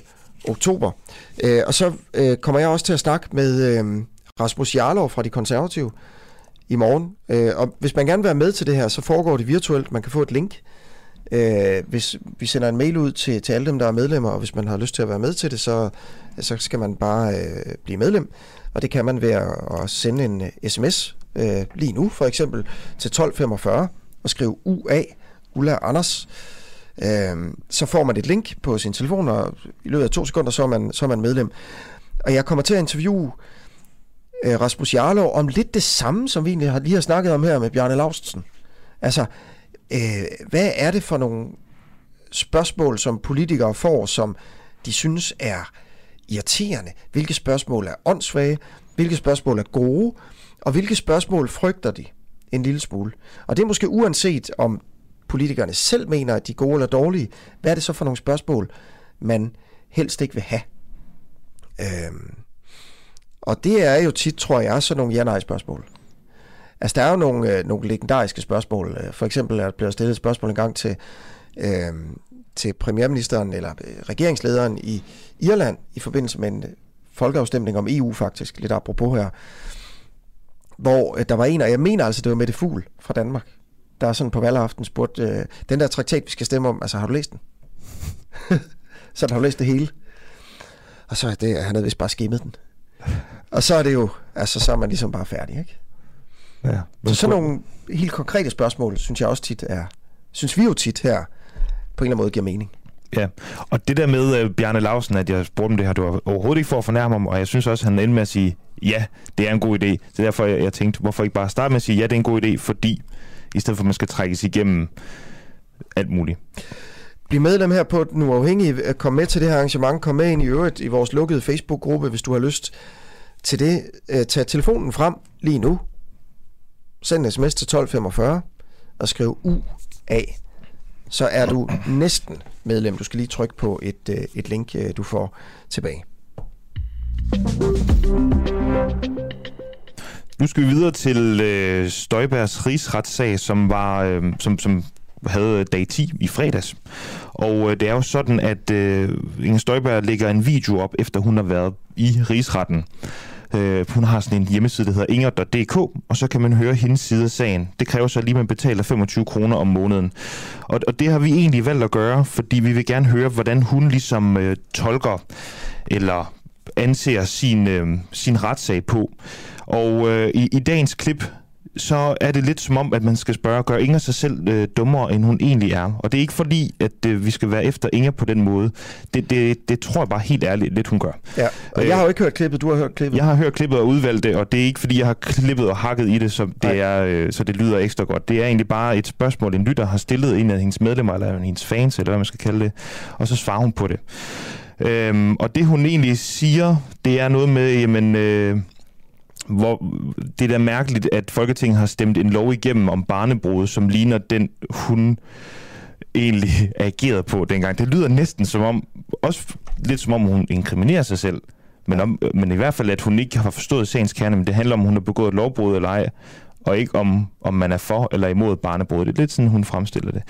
Øh, det, det, det, det vi har udklip i dag, og øh, udover det, så er hun lige lidt inde på øh, ham her, Uffe Tordal, øh, Petersen, som var departementchef i Ingers ministerium, da hun var minister, hun, øh, han sagde også, at øh, Inger Støjberg hverken direkte eller indirekte gav ham en ulovlig ordre. Og det gjorde han tidligt og af sig selv. Øh, det skal vi ikke høre, fordi det, det vil hun ikke snakke så meget om. Det, han, han bliver afhørt igen i, øh, i morgen, så det venter vi med. Men nu skal vi lige høre et klip af, med et spørgsmål til øh, Inger. Så har Ane stillet tre øh, spørgsmål, og som jeg virkelig også synes, der er vigtigt lige at tage fat på. Det første, Ane har stillet spørgsmål om, det er, øh, om det er rigtigt, at øh, Folketinget efterfølgende har, øh, nu her faktisk lige inden sommer, har vedtaget en lov, der næsten en til en gennemfører det indgreb, som jeg øh, i sin tid satte i værk øh, omkring øh, barnebrud, for at få gjort op med det ægle fænomen, som barnebrud er. Og der er svaret ja. Øhm, og det er jo faktisk øh, over 80 procent af Folketinget, der stemte for øh, både Socialdemokratiet, øh, Venstre, øh, men også Socialistisk Folkeparti øh, stemte for. Og så er det jo klart nok, at, øh, at selvfølgelig også øh, både Dansk Folkeparti og Nye Borgerlige, men også de konservative stemte så også for. Men, men det er jo lidt tankevækkende, som du også er inde på, kan jeg se i dit spørgsmål, at øh, Folketinget, det samme Folketing, som har sendt mig i rigsretten, så lige op til sommerferien, går ind og stemmer for en lov, som næsten en til en er main til det, øh, som jeg gennemførte for at få gjort op med, med barnebrudene. Jeg stemte selvfølgelig også selv for, fordi øh, jeg mener jo stadigvæk det her den dag i dag. Skal man se på den positive side af det her, så er det jo selvfølgelig rigtig godt, at øh, der er så bredt et politisk flertal for det nu. Skal man se det lidt mere sådan, altså, ja, for at sige det som det er, jeg synes, det er lidt underligt. Jeg sad faktisk og tænkte lidt over det her den anden dag, da jeg var inde i rigsretten, at der er altså simpelthen, for at sige det som det er, noget underligt ved at være anklaget i en rigsret for noget, som et meget, meget stort flertal af Folketinget, og i hvert fald mange af de samme politikere, øh, har sendt mig i rigsretten for, men, men som de så stemmer for i Folketinget. Men øh, jeg har heldigvis ikke i den situation, så jeg skal forklare det. Det må de partier, der stemmer mig i rigsretten, jo selv forklare, øh, hvordan pokker det hænger sammen. Ulrik Dalin, du er journalist på uh, Information og har dækket Støjberg-sagen intens. Godmorgen. Godmorgen. Du hørte mit oplæg. Gjorde du ikke det, Ulrik? Jo. Hvad, hvad tænker du om det? Hvad, har jeg ret i noget af det, jeg siger? Ja, ikke helt. Altså, det lovforslag, uh, Inger Støjberg taler om, er, uh, så vidt jeg kan, kan, kan regne ud, det må være et lovforslag, som Mathias Desfaye, hendes efterfølger, har fremsat, og fået vedtaget, som tydeliggør hjemmelen til at foretage adskillelsen. Det var jo sådan, at Instrukskommissionen kritiserede øh, ministeriets praksis, og nu bliver det måske en lille smule langhåret, men, men kort fortalt øh, havde man en opfattelse af, at det var såkaldt faktisk forvaltningsvirksomhed. Men instruktions, Instrukskommissionen mente, at det at adskille en familie var en afgørelse. Og det er ligesom to forskellige ben at stå på. En faktisk forvaltningsvirksomhed, det kan man sammenligne med, hvis man kommer til et hospital. Så bestemmer hospitalet, hvilken stue man skal ligge på. Det er ikke noget, man som patient har indflydelse på. Men hvis du kommer og du får besked om, at du skal skilles fra din ægtefælle og fra dine børn, så er det det, man kalder en afgørelse. Og der skal der så ifølge forvaltningsretten være partshøring osv., inden der træffes en afgørelse. Og det lovforslag, Mathias Tesfaye øh, fremsatte, det tydeliggjorde hjemlen til at foretage adskillelsen. Øh, så jeg, jeg kan næsten ikke forestille mig andet, end det må være det lovforslag, som, som øh, øh, Inger Støjberg tænker på. Men du har ret for så vidt, som at øh, det, som øh, Folketinget har taget stilling til med det nye lovforslag, har intet at gøre med, hvordan øh, Inger Støjberg administrerede, øh, eller hvordan hun effektuerede den ordre, eller det ønske, hun havde om at adskille alle asylpar. Fordi det er jo rigtigt, det er et spørgsmål om, var det, hun fik sit system til at gøre, var det lovligt, eller var det ikke lovligt? Okay, men... Ja, det bliver en lang forklaring. Ja, jo, men, men det, og jeg skal lige se, om jeg kunne følge med, med fordi du siger det her med at Mathias Tesfaye og den her lov, og så øh, tydeliggør de en lovhjemmel. Ja. Øhm, ja, jeg, jeg tror ikke helt, jeg lige er med på, hvordan det så ikke er... Nej, når hun det er også fordi Inger Støjberg tager et lovforslag, der egentlig handler om noget andet, og så øh, bruger hun det til at sige, prøv at se her, er der ikke noget mærkeligt i, at et stort flertal i Folketinget, de, de vedtager den her lov, som altså er en tydeliggørelse af en hjemmel, og så samtidig et stort flertal af Folketinget sender øh, mig for en rigsret. Og det er der altså ingen modsætning i. Det må man sige. Okay. Øh, Ja. jeg, jeg, jeg kunne se på Asger, han havde et spørgsmål. Ja. Altså, hvad, hvor, hvor står sagen hen nu mod Støjberg, sådan helt øh, op i helikopteren her? Fordi jeg synes, det er også øh, nogle gange øh, kan være... Vi dækker det jo rimelig meget her, I er jo meget med. Øh, dig og din mm. øh, kollega fra Information. Men, men det er også tit svært sådan at få det store overblik. Altså, øh, hvad ja. er status på sagen? Ikke i forhold til, hvor mange retsmøder der er tilbage, men lidt i forhold til, hvem der hvad kan man sige, er foran, eller hvad man skal sige. ja, altså det synes jeg er meget svært at svare på, Asger. Det, øh, sagen er jo, at øh, det er kun, øh, der er kun afhørt to vidner endnu, foruden øh, ministeren. Men det man kan se, eller jeg synes, det er, at øh, hvor jeg i starten var ret sikker på, at Inger Støjberg ville blive dømt, og hun formentlig også ville blive dømt en, øh, en øh, betinget fængselsstraf, så kan det være, at ja, min vurdering, som det lader lige nu, er, at hun måske slipper med en lidt lavere straf, måske nogle dagbøder eller noget af den stil. Men jeg kan ikke se for mig, at hun ikke skulle blive dømt. Men det er, det skal jeg lige understrege igen, det er altså på et meget beskeden grundlag indtil videre, og en vis udstrækning, også lidt afhængig af, synes jeg, det indtryk, man får af den energi, som henholdsvis anklager og forsvarer lægger for dagen øh, i under afhøringerne. Der har der jo været meget snak om, at René Offersen, som er Inger Støjbergs advokat, at han slår meget mere ud med armene og er sådan lidt mere en skuespiller end anklagerne, som har indtil nu været meget tørre og enstonige og lidt monotone. Men jeg vil dog sige, at her i fredags med første afhøring af Uffe Tordal, den daværende departementchef, at der var det som om, at anklageren jo Lauritsen skulle en lille smule op for retorikken. Sagde for eksempel sådan noget som, at, at øh, jeg kan ikke forstå, hvorfor du kan forklare sådan øh, om et eller andet emne, men det har du altså gjort, og det må vi jo, så må vi jo gå videre. Og han sagde også på et andet tidspunkt til noget af det, Tordal forklarede, at han måtte være fatsvag, altså anklageren, fordi han kunne simpelthen ikke forstå, hvordan at han kunne sige sådan. Ikke? Og det vil sige, så er, er der skruet en lille smule op for, for, for retorikken. Ikke? Eller, Okay. så det, hvis, hvis, hvis, hvis den kurve fortsætter, ja, så kan det være, hvis du spørger mig om to uger, at jeg så har en anden vurdering. Ja, men det kommer jeg jo til at gøre. Øh. Dalin, tusind tak, fordi du vil være med igen her til morgen, bare for øh, at, at følge med øh, i, i, i rigsretssagen. Øh, og så på den måde, som, som vi selvfølgelig gør det ved at spille lidt fra, fra Inger.dk hver gang. Øh, har du fulgt med i den der sag egentlig op fra Aalborg med, med Kunstmuseet og den kunstner, der har kørt her i weekenden? Nej. Nå, okay. Jamen, Jeg har været til seminar på mit arbejde, og så har jeg haft tømmermænd hele søndag. Er det rigtigt? Okay, det er ellers en vild historie. Det handler om, mm. at, øh, at der er en kunstner, der skulle lave et kunstværk, øh, hvor han skulle sådan, øh, lægge en masse pengesedler op på sådan en øh, Nå jo, søjle. sag. Ja, ja, ja, ja, ja. Ja, hvor han så, øh, i stedet for at aflevere kunstværket, der skulle komme i en kasse til Kunstmuseet, så de kunne mm. udstille det, det var en halv million kroner, så, øh, mm. så, så fik så da de åbnede kassen på museet, så stod der bare, øh, så var der en ramme, hvor der stod, take the money and run, og så har han taget pengene, mm. og så siger han, det er kunst. Mm. Mm. ja. Hvad tænker du om det?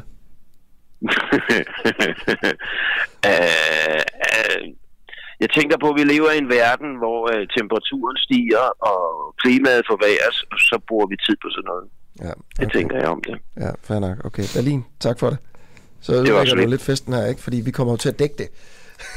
Lige om, om 10 minutter, når vi skal snakke med, øh, med museet i, i Aalborg, og det er altså direktør på Kunstmuseet, øh, som har fået det her kunstværk tilbage øh, med de to glasrammer.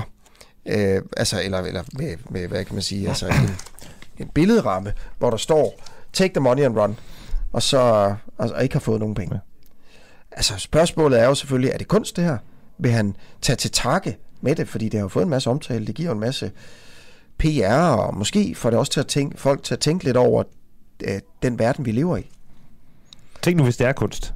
ja, det ved jeg ikke. Hvad er Så noget kan jeg ikke vurdere. Ja, det kan også bare være, at, at altså, vi alle sammen måske er lidt til grin, hvis han bare ligesom tager den halve million der, ikke?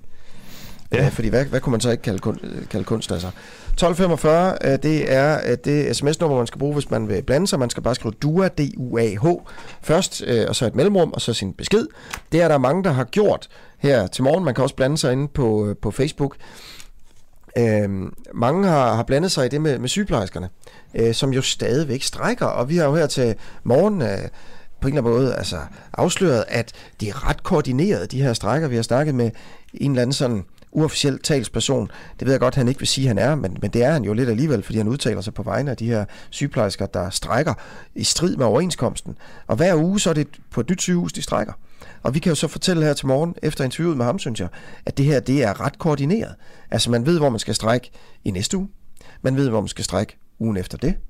Og man har en lang plan for, hvor man skal strække, og hvornår man skal strække på de her, de her sygehus. Det er der mange, øh, der, der skriver ind om, og Karen skriver på Facebook, at kvindefagen er ved at bløde ned. Politikerne kan enten løse problemet med løn og arbejdsvilkår, eller helt nedlægge øh, at forsøge at styre sundhedssystemet. Kvindefagen har, kvindefagene har overlevet på vand og brød for længe, siger altså Karen, der gerne vil have nogle flere penge til sygeplejerskerne. Og Kaja Elisabeth Gerte skriver, de her er ikke de eneste, der vil have mere i løn.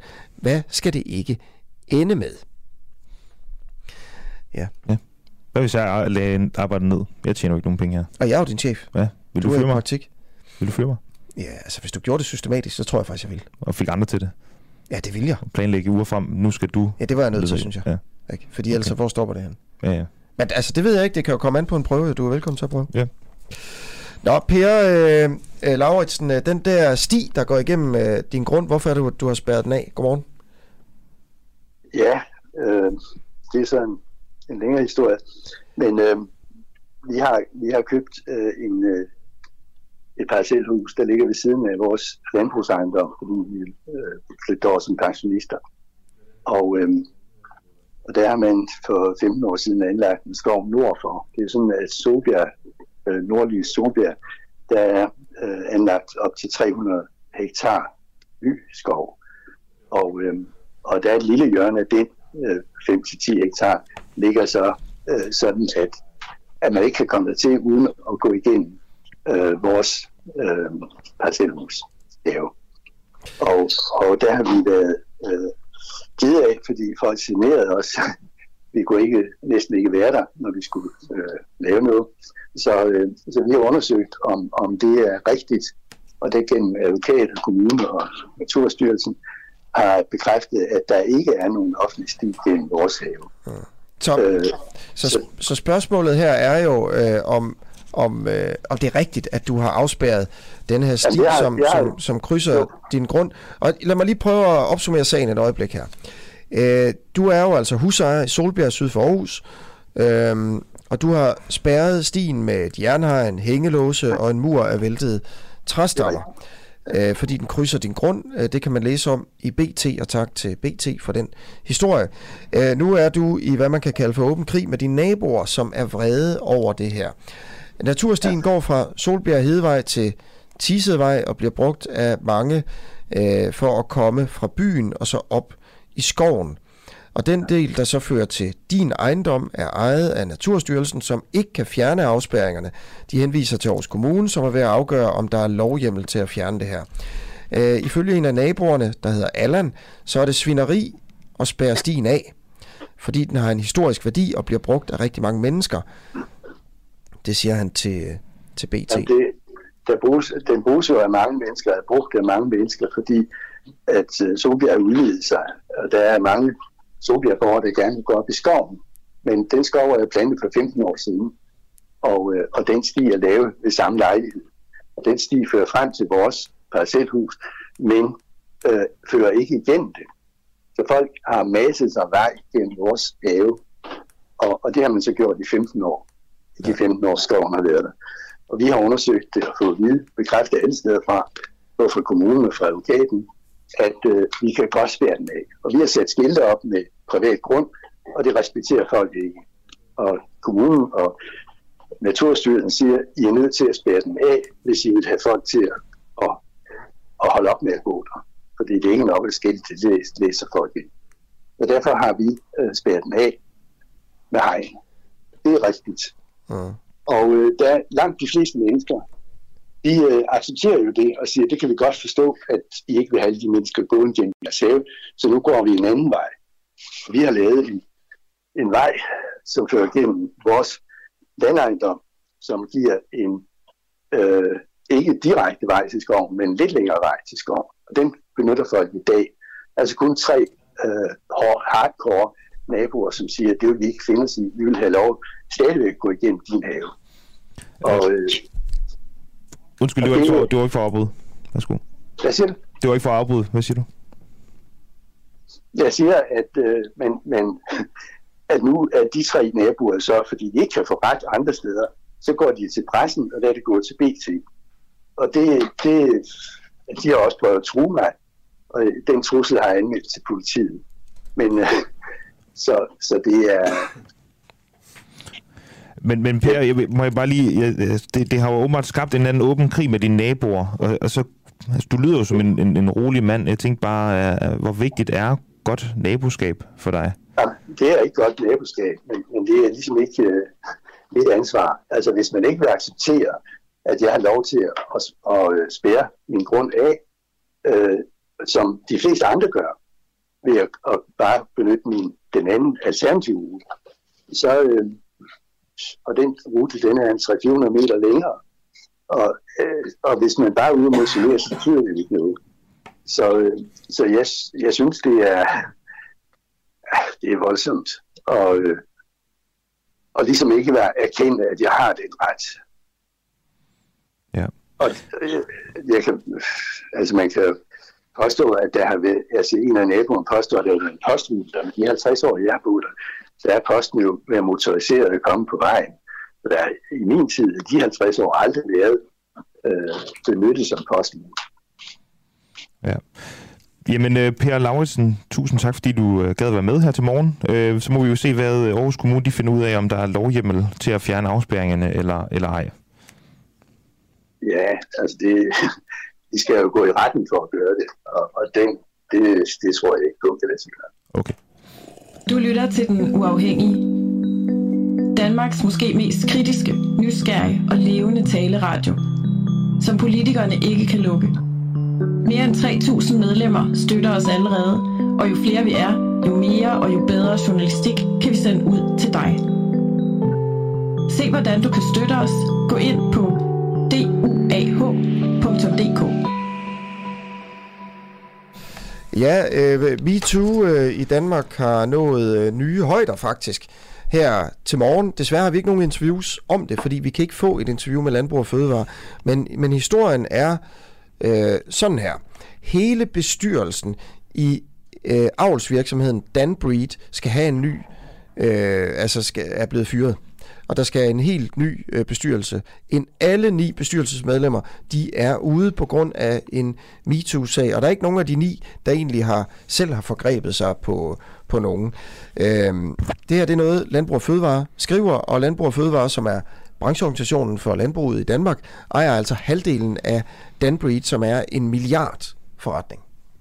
Øhm, og begrundelsen er, at der er sket fejl i håndteringen af sagen om den tidligere administrerende direktør i Danbreed, han hedder Thomas Murmann Henriksen, som er beskyldt for at have krænket flere unge kvindelige ansatte.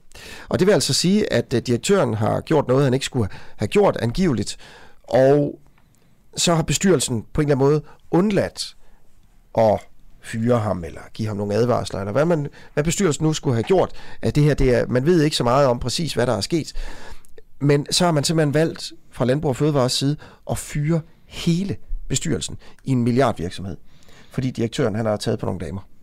Øhm, og ifølge øh, Henriette Laversen, som er direktør i Kvinfo. Øh, så her, det her aldrig set før, en, altså i Danmark i hvert fald, at en krænkelsessag har, har fået så vidtrækkende konsekvenser, at en hel bestyrelse må, må gå af. Og det er et nybrud i Danmark. Det er virkelig glædeligt, siger hun til TV2. Vi har ikke kunne få et interview med hverken Danbred eller øh, Landbrug og Fødevare, øh, men de har, Landbrug og Fødevare har sagt, at de sandsynligvis gerne vil være med i morgen tidlig. Og det glæder vi os så til. Og så kan vi jo gå sådan og tænke lidt over det her med, at det er gået over gevind. Ja. Eller, altså ved jeg ikke, det er hvad jeg tænker, at man skal snakke om her. Altså en hel bestyrelse i en milliardvirksomhed øh, skal gå af. Fordi der er jo også, altså man kan sige, okay, hvad er det så det dårlige ved det?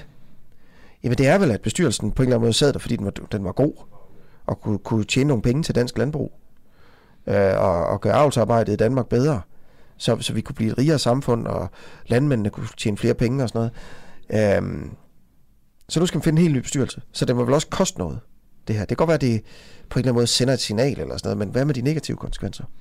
Det er, hvad jeg tænker med sådan en historie der. Men altså, det, øh, det kommer vi til i morgen. Øh, jeg vil bare lige nævne det, at det er en af de historier, som, øh, som er her til morgen. Yes, vi, øh, vi går videre til en historie, vi egentlig har talt om hele morgen. Den, vi kaldte den sjoveste historie her til morgen. Ja. Det er måske ikke øh, det, Lasse Andersen vil, vil kalde den. Men vi vil spørge ham lige om et øjeblik, om man kan stjæle en halv million kroner og slippe afsted med det, hvis bare man, man kalder det kunst. For det er det, øh, kunstneren Jens Honing har, har gjort, øh, gjort. Han har øh, lånt en halv million kroner fra Kunstmuseet øh, Kunsten i Aalborg, og øh, det var meningen, de skulle udstilles øh, på, på, på museet, i, øh, som vi har fortalt om tidligere her til morgen. Men, men pengene var væk, da, øh, da kunsten, øh, kunstudstillingen skulle, skulle øh, indvise. Øh, så derfor har han taget dem, og øh, han kalder værket øh, Take the Money and Run. Og øh, ja, lad os bare lige høre, Lasse Andersen. Synes du, at man øh, kan øh, altså, kalde det kunst, det her han har gjort, Take the Money and Run? Ja, det synes jeg helt klart, man kan kalde det, som øh, Jens har, han har skabt et nyt værk. Øh, og så vil jeg sige, at der er heller ikke nogen, der har stjålet nogen penge endnu. Så, øh, Nej, det er jo først til, til februar, er det ikke det, når, øh, når kunstudstillingen den, øh, ligesom er, er færdig? Så, kan man, så ved man, om han har stjålet dem eller ej. Ja, til januar måned, når, at, øh, når udstillingen den uh, slutter, fordi at der har været meget snak om tingene, men vi har selvfølgelig også en kontrakt med Jens på, på de her ting, og det er det, som jeg forholder mig til, inden man begynder at tale om, øh, om pengene er forsvundet. Ja, det, det vil jeg jo så godt, ja. øh, det kan vi gøre lidt senere, måske lige stille spørgsmålstegn ja. ved. Altså, om man ikke kan sige, at de er stjålet allerede nu. Øhm, altså, men, men lad os lige prøve at tage det hele. Altså, han fik, hvor mange ja. penge fik han, og hvad skulle han have brugt dem til, og hvad, hvad skete der så, da I ligesom fik kunstværket øh, tilsendt? Jamen, Jens han har fået øh, 500 og, jeg mener det 528.000 øh, kroner, og det øh, er, skal bruges til to værker, som han skulle genskabe, som han tidligere har lavet. Øh, det ene fra 2007, som siger en gennemsnitlig årsindkomst for en østrigsk person. Øh, det er 25.000 euro i glas ramme, og så en opdatering på en dansk øh, middelindkomst eller gennemsnitsindkomst for 2021, som er 328.000 et eller andet kroner, som også skulle i, øh, i glas ramme.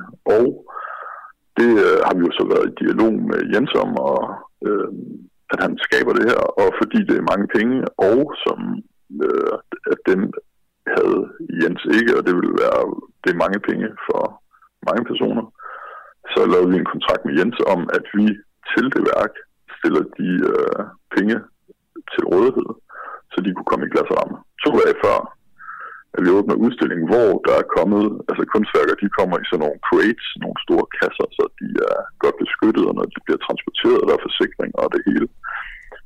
Så skriver han så, og de står op i øh, udstillingsrummet, men er ikke pakket ud, så kommer der en mail fra Jens, der siger, at han har valgt at lave et andet værk. Han synes, det var kedeligt at lave de gamle, så nu har han lavet et værk, der hedder Take the Money and Run, en gennemsnitsindkomst Danmark 2021 og en gennemsnitsindkomst Østrig 2007.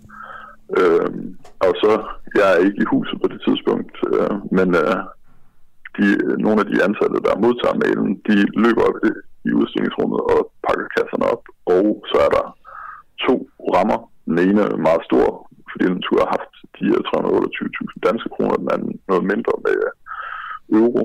Og øh, der kan man så, at der er to rammer, hvor det øjensynligt ser ud som om, at der har siddet noget klistret op, som der så ikke gør mere. Øhm, ja. Og øh, det er så ligesom sagsforløbet, kan man sige. Ja, så øh, han fik nogle penge af jer. Øh, han skulle øh, ligesom sætte med glas og ramme, og så i stedet for så leverede han bare glas og ramme ind og tog pengene selv. Øh, ja. Hvor er, øh, lad mig lige prøve at høre, de penge, altså, hvad, hvad er det for nogle penge? Hvis, altså, det er jo selvfølgelig museets penge, men øh, hvor får I jeres penge fra på, på, øh, på kunsten i Aalborg? På kunsten? Jamen, man kan sige, at vi, øh, vi får nogle øh, offentlige bevillinger. Øh, så er der nogle øh, fonde, der støtter os, og så tjener vi øh, en del af pengene øh, ved at have entré, butik, café og så videre. Så det er sådan et... Øh, en blanding mellem offentlige midler, fondsmidler og øh, egen indtjening. Ja, og hvor stor en del af jeres øh, omsætning kommer fra det offentlige? Det gør øh, under en tredjedel. Under en tredjedel. Det er jo, grunden til at spørge her, det er jo fordi, at det ja. er så delvist offentlige penge, det her, synes jeg godt, man kan sige, de 500.000, ikke? Øh, og så er spørgsmålet, øh, altså om, om, om du bare skulle politianmelde det her øh, med det samme, synes jeg egentlig. Men altså, de her penge, som, hvor er de henne nu? Men, altså, men det, det synes du, men prøv at jeg skal bare lige sige, du synes, at jeg skal politiet... Nej, jeg siger, altså, det er spørgsmålet, om du skal det, ja. Ja, du sagde lige, du synes. Nej, jeg, så spørgsmålet ja, er, om du skal politere ja. eller det... Nå, det, Jamen det, det vil jeg bare sige. Men jeg vil også gerne sige, det synes jeg det. også, du skulle. Men, altså. Ja, ja, men, men det var for at sige, at vi har jo vi har faktisk reelt en kontrakt. Og der er flere, der har sagt det her. Ja, ja. Og, og, og der er nogen, der har sagt, at jeg er naiv. Jamen det må man gerne. Ja. Men, men spørgsmål. står der ikke også i kontrakten, at han skulle aflevere værket nu? Det skulle have været hos jer. Altså pengene. Jo, og han har, han har afleveret et, han har afleveret et andet værk. Ja, ja. Så, så vi har, jamen, det er mere, fordi jeg synes, det er, det er virkelig, virkelig vigtigt, at, at vi skiller det, der siger, at vi har et værk, og så har vi en kontrakt, der siger, at der er nogle, fordi at der bliver snakket meget om pengene, så der, og der har vi en kontrakt på. Der, der også står siger, også i den kontrakt, at det var det værk, han skulle lave, ikke også? Så du kunne godt vælge at sige, jamen nu er kontrakten brudt, fordi han har afleveret et andet værk. Ja, det kan jeg godt, men det er jo ikke... Så, så, så du kunne godt vælge at politianmelde det? Mm, nej, det vil jeg sige, det, kan, det, det synes jeg, jeg synes ikke, der er nogen grund til at skrive til det nu. Nej. Plus at Jens har, han har faktisk leveret et interessant værk til os. Ja. Hvor er pengene henne nu? Øhm, Jens, han, jeg blev uh, interviewet sammen med Jens på P1 morgen i, uh, i lørdags, hvor han sagde lidt uh, sådan underfundigt, det kan være, de kravede ned en skov, det kan være, de står på en bankkonto et sted. Mm. Øhm, ja. Så det, det, det står sådan hen i det uvisse. Ja. Kan det være, at han har brugt nogle af dem? Det kunne jeg ikke forestille mig. Nej, men du ved det ikke, hvad? Nej, det, det har du helt ret i. Ja. Det ved jeg faktisk ikke. Ja. Øhm, og du vil altså ikke øh, anmelde det. Vi kan selvfølgelig snakke om lige om lidt øh, om, øh, altså hvorfor det er kunst, som du også siger. Mm. Der er jo også en, der skriver ind på vores, øh, vores øh, Facebook, på vores Facebook her ja. til morgen, at øh, det er kunst. Øhm, det er fed kunst, skriver Kåre Hansen. Øh, og en anden skriver, hvad var det her? Jo, kunsten er, at den kloge narer den mindre kloge, siger altså ja. Susanne. Jamen, det har jeg set mange steder også. Men, men sådan noget med kunst, det, jeg forstår mig ikke særlig meget på det, men det er du helt sikkert Nej. bedre til. Øh, ja. øh, men altså, hvad skal der til for, at du begynder at, at anmelde, at der er en eller anden kunstner, der har stjålet øh, øh, offentlige penge? Hvornår, hvornår Jamen, anmelder du det? Jamen, altså, som jeg sagde, så har vi en kontrakt med Jens, der siger, at med udgang af udstillingen, som lukker den 14. januar, så skal, øh, så skal pengene være i, også i hende. Øh, så man kan sige, at til den tid vil jeg gerne snakke om de her ting, men lige nu, og det du sagde, at vi kan snakke om, hvorfor at Jens har skabt noget, som også er kunst. Okay, så vil du det, anmelde det, og hvis han ikke kan levere det ind den 14. januar, kommer du så til at melde til politiet? Det vil jeg forholde mig til til den tid, men det, det er klart, at det er, det er penge, som tilhører kunsten, og dermed... Så du kan ikke engang uh, sige nu her, at du vil anmelde ham til politiet uh, for tyveri, hvis, hvis han ikke uh, leverer dem tilbage den 14. januar? Hvis, at der, hvis pengene ikke er leveret tilbage den 14. januar, så har vi en anden situation, og så holder jeg mig til det på det tidspunkt. Det er vildt nok, du ikke engang kan sige det. Hvorfor vil du ikke sige det? Om du vil, jamen, altså, om du, om du vil... Jamen, men prøv at høre, altså, jeg, jeg faktisk, fordi du, du sagde til at starte med, at vi kunne også snakke om, hvorfor om Jens har skabt god kunst. Ja, det kommer senere. Altså, okay. Jeg skal bare lige høre, hvorfor, vil du ikke, hvorfor kan du ikke sige nu, at du, hvis han ikke leverer dem tilbage så den 14. januar, at du, du, at du ikke får de jamen, penge jeg der, at du ikke jamen, jeg- til politiet så for tyveri? Jamen, det er klart, hvis vi ikke får vores penge, så er det en helt anden sag. Ja, men det er ikke nødvendigvis sådan, du vil melde ham til politiet så. Jamen, vi, vi, til den, vi tager det til den tid. Ja, ja. Okay. Ja. Er, er det fordi, du er stadig til den tid vil anse det som et kontraktbrud? Altså efter den 14. januar, så er det stadig bare et kontraktbrud og ikke et tyveri, som øh, Jens Honing selv kalder det. Nej, nej, men Jens, altså Jens har faktisk ret tydeligt sagt, fordi der blev spurgt om, altså han sagde, jamen jeg har en kontrakt nu her, det sagde han. Og den, altså så det er et kontraktbrud, jeg har begået. Og det er det, jeg ligesom forholder mig til. Jeg, altså, jeg, jeg Kontrakten er brudt. jeg, Er du enig i, at kontrakten er brudt der? Ja, ja, kontrakten er brudt i forhold til, om han leverer det værk, vi har aftalt. Altså at han lavede, at- vi har et værk, der ser ud på en bestemt måde, som har et bestemt indhold. Så har han leveret et andet værk. Det, det er, hvad hedder det, øh, det vil man, når man arbejder med kunstnere, så vil man med mellemrum opleve, at tingene tager en, en anden retning, end man sådan havde aftalt til at starte med, fordi der er en kunstnerisk proces. Det kan I lave interview med alle danske kunstmuseer, som, som, hvad hedder det, som arbejder med samtidskunstnere. Så kan man sige, at i det her tilfælde, der er den her situation med, at der er nogle penge, som, som øjensynligt ikke er der, som er blevet den store historie. Øhm, og det er helt klart, at folk må gerne sige, at den kloge kunstværker er klog, den er den mindre klog, men det, det kan vi se på på et senere tidspunkt. Der er altså et eller andet her, Lasse, som jeg kommer ja. til at tænke på øh, i forhold til ja. en, en grænse. Det er som om, at det her det kommer til at gøre, at øh, hvis I nu ikke reagerer på det her med nogle konsekvenser, så mister I noget autoritet. Så vil det gøre, at kunstnere fremover kan sige, jamen jeg vil gerne lave et øh, kunstudstilling om et eller andet øh, MeToo. Og så øh, når de endelig kommer til dagen, så er det Uwe Max, der går ind og skider på gulvet. Nej, altså, så har I så nej, er der nej, nej, nej, nej, nej, nej, nej, men det er derfor, at hvis vi nu snakker om, hvad det er for et værk, som, som Jens har skabt, vi, hvis vi nu, og det har vi, hvis vi har tid til det, vi, vi har en udstilling på kunsten, der hedder Work It Out, som debatterer, diskuterer igennem samtidskunsten det moderne arbejdsliv. Det er noget af det mest øh, relevante, efter vi har været igennem øh, corona. Vi siger, at vi har lært en masse. Jeg tror bare, at vi har oplevet noget. Nu skal vi til at finde ud af, hvad vi faktisk kan lære af det. Og hvis man træder ind i rummet op øh, for kunsten i øh, workout-udstillingen, så er der en række bud på det. Du kan sidde i et øh, mødelokale af Kenneth Balfeld, som gør, at man holder anderledes møder. Du kan træde ind i fantastiske videoværker, der, der debatterer og diskuterer machine learning og kunstig intelligens. Øh, der er lavet interview med sygeplejersker i New York og i Aalborg, som arbejder under corona, og hvad det betyder for deres arbejdsvilkår, hvordan de føler sig værdsat. Så der er en række ting, og så bad vi Jens om, spurgte, vil du skabe de her, genskabe de her to værker? Og det sagde han, det ville han gerne, fordi det også virker ret effektfuldt. Og det er det er med, at man lige pludselig har årsindkomsterne hængende. Hvad er det for nogle strukturelle systemer, vi indgår i? Hvad betyder det faktisk, at vi får penge for det arbejde, vi gør? Og man kan sige, Jensen siger så, take the money and run. Altså, skal, i hvilken grad skal vi arbejde for, at vores indkomst bliver betalt nok? Alle sådan nogle ting. Og det, det er jo også noget, der virkelig får os til at tænke over det. Så i den Hvad, hvad er det for noget? Hvad er det for, en, hvad er det for en original tanke, du får, når ham der, han, han tager de 500.000, altså, som du ikke havde haft i forvejen? der er sådan en original tanke, Ja, jeg altså får. du ved, det der hele tiden med, det er noget, der får os Ja. til at tænke os om og sådan noget. Undskyld, jeg går ja. lidt til det, fordi det kan godt Ja, være, det mig. Jeg forstår simpelthen ikke, altså kunst, altså hvorfor skal vi bruge penge på sådan noget? Hvad er det for en, øh, en tanke, der ville poppe op i folks hoveder, som, som, som de ikke ville have fået i forvejen, hvis de ikke havde Jamen, set, øh, hvis han ikke havde taget de 500.000? Det kunne godt bare, en, altså bare, ja, hvad er det? Jamen, det er, når du står og kigger, altså det er, når du står og kigger på dem fysisk, det er jo, værket skal jo ses i sammenhæng med, der skulle have hængt pengene, nu er de der ikke. Ja. Det, en årsindkomst er ret meget. For nogen, så, bet- ja. så går man på arbejde for at tjene pengene, fordi man virkelig bare har brug for pengene. Ja. Det er de fleste af os. Så er der nogen, der gør det i en kombination af, at man godt kan lide sit arbejde, og man skal tjene pengene. Det er det også de fleste af os, der gør det. det kunne så er der nogen, der har en frihed. Ja, så er der nogen, der har en frihed. Så er der nogen, der har en frihed til ikke at arbejde så meget. Ja.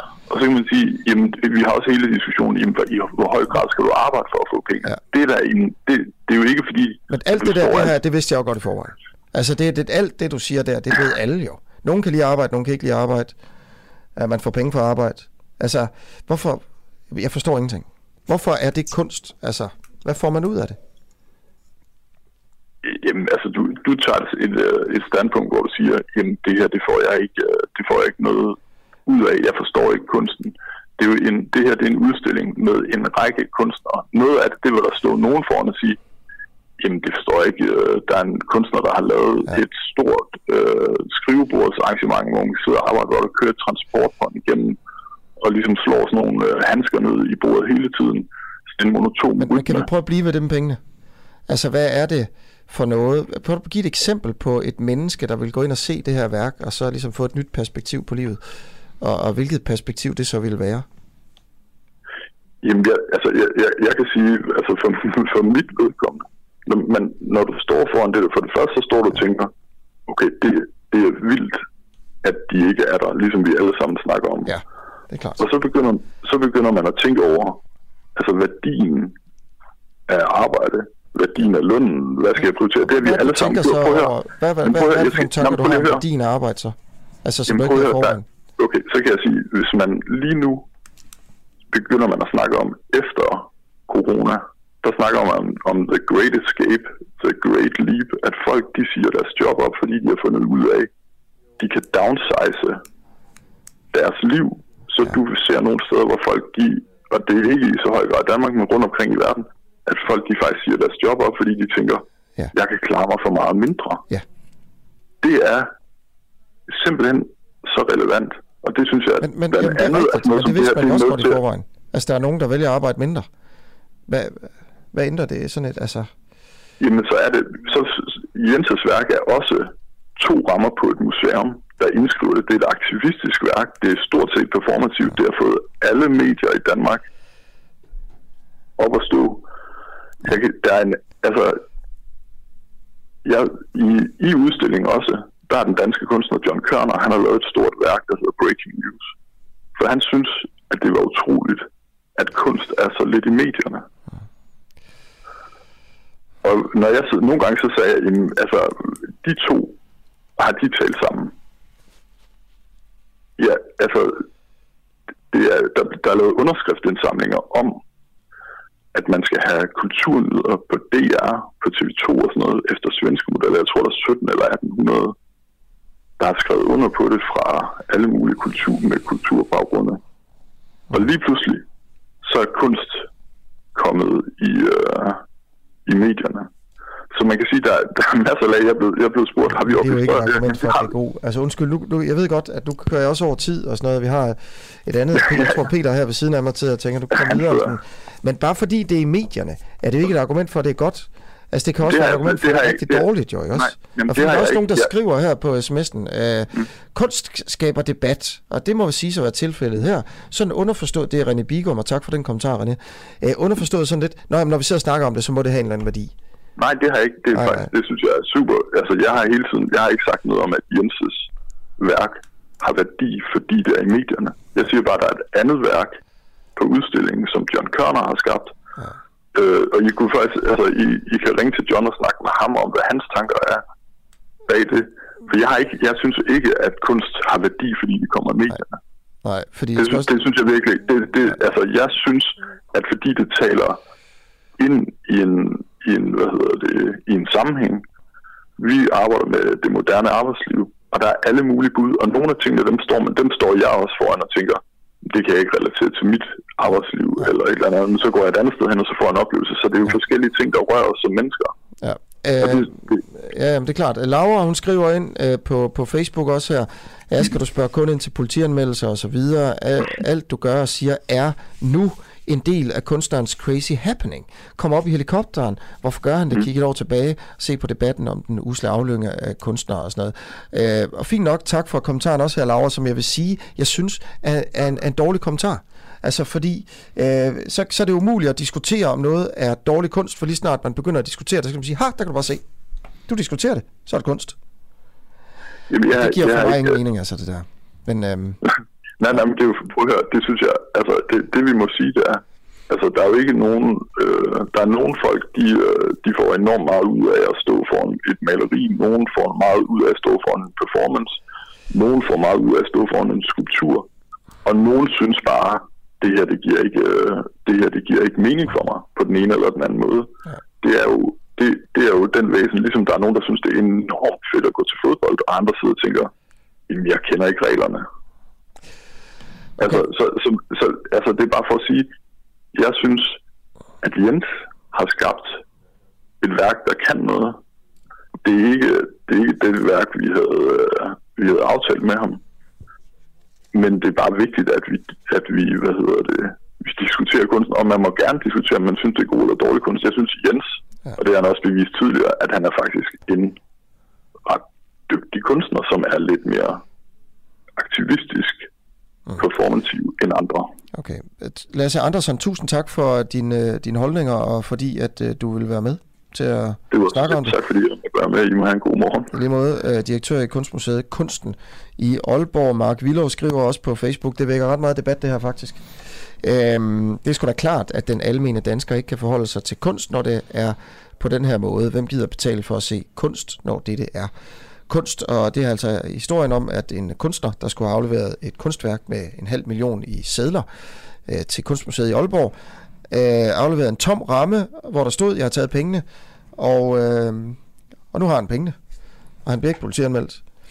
Og øh, øh, Kunstmuseet køber ligesom, at det er et kunstværk, og har taget pengene. Ved du, hvorfor det øh, skaber debat? Nej. Det er fordi, det er kunst.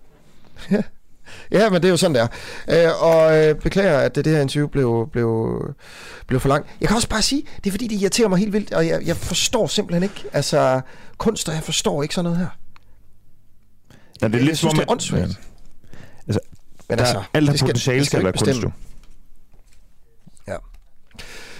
Alright, øh, vi, skal, øh, vi skal videre, fordi vi skal til noget, øh, der er væsentligt, øh, måske lidt mere væsentligt end det her, går jeg ud fra i hvert fald. Og det er valget i, øh, i Tyskland. Ja, vi har ham ikke med endnu. Han er ikke med nu? Nej. Okay. De har ikke været med endnu. Han- Det er journalisten fra øh, Information, Mathias Sonne, der skal fortælle os lidt om øh, øh, valget dernede, som jo var i går. Og der, er, der sker jo det, at øh, SPD, Socialdemokratiet, bliver større, end det var, og øh, det konservative parti, øh, det kristendemokraterne, som er Merkels gamle, altså som er Merkels parti, det er gået tilbage. Øhm, men hvem bliver kansler i Tyskland, det ved man simpelthen ikke endnu, fordi den parlamentariske situation er sådan lidt mere flydende, end den plejer at være herhjemme, hvor vi har en rød og en blå blok, og så ved man ved- med det samme, hvem der bliver statsminister. Det har man ikke i Tyskland. Øhm, partierne, det liberale parti og så øh, Miljøpartiet, de grønne der, de ved simpelthen ikke, hvem, hvem det er, de skal, øh, de skal pege på. Og Mathias Sonne, så kunne man lige høre, du var med. Godmorgen. Ja, godmorgen. Mathias Sonne, vi vil egentlig gerne lige høre, øh, vi har allerede talt med en, øh, en øh, hvad hedder det, en tidligere chefredaktør for der Nordschleswiger om det tyske valg. Vi vil gerne lige prøve, hvis du kunne hjælpe os med at sætte det her i perspektiv til, hvorfor, det er, hvorfor valget i Tyskland er vigtigt for Danmark. Kan du svare på det? Ja, det er vigtigt af adskillige grunde. Øh, altså først og fremmest så, øh, så er Tyskland jo rykket endnu mere i centrum af Europa, end, øh, end landet var før Brexit. Altså Tyskland fylder simpelthen mere i, i Europa.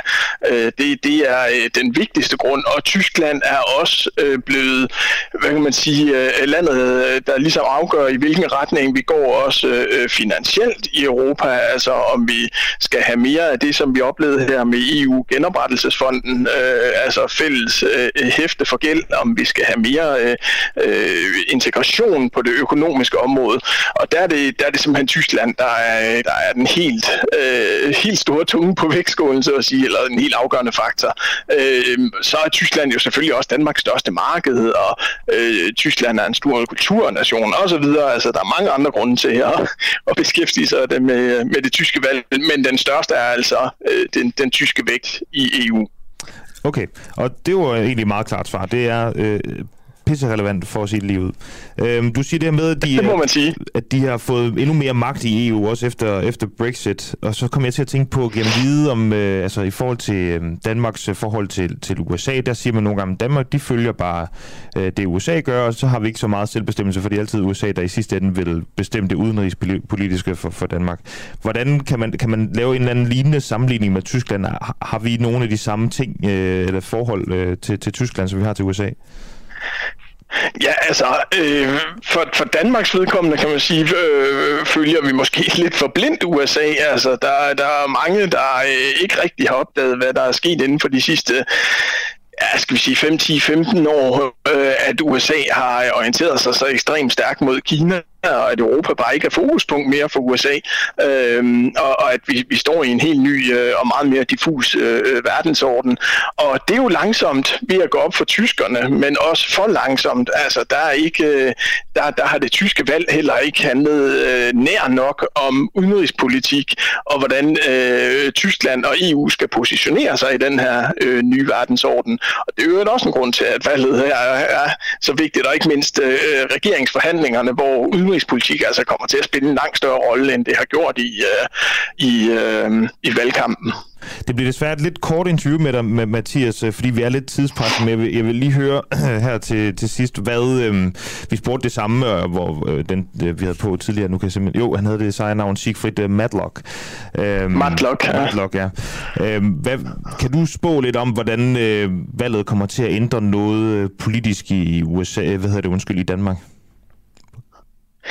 I Danmark direkte? Ja, altså, øh, der, der, der vil det klart være, om, om øh, den her øh, regering, vi får, om den falder øh, til centrum venstre eller til centrum højre.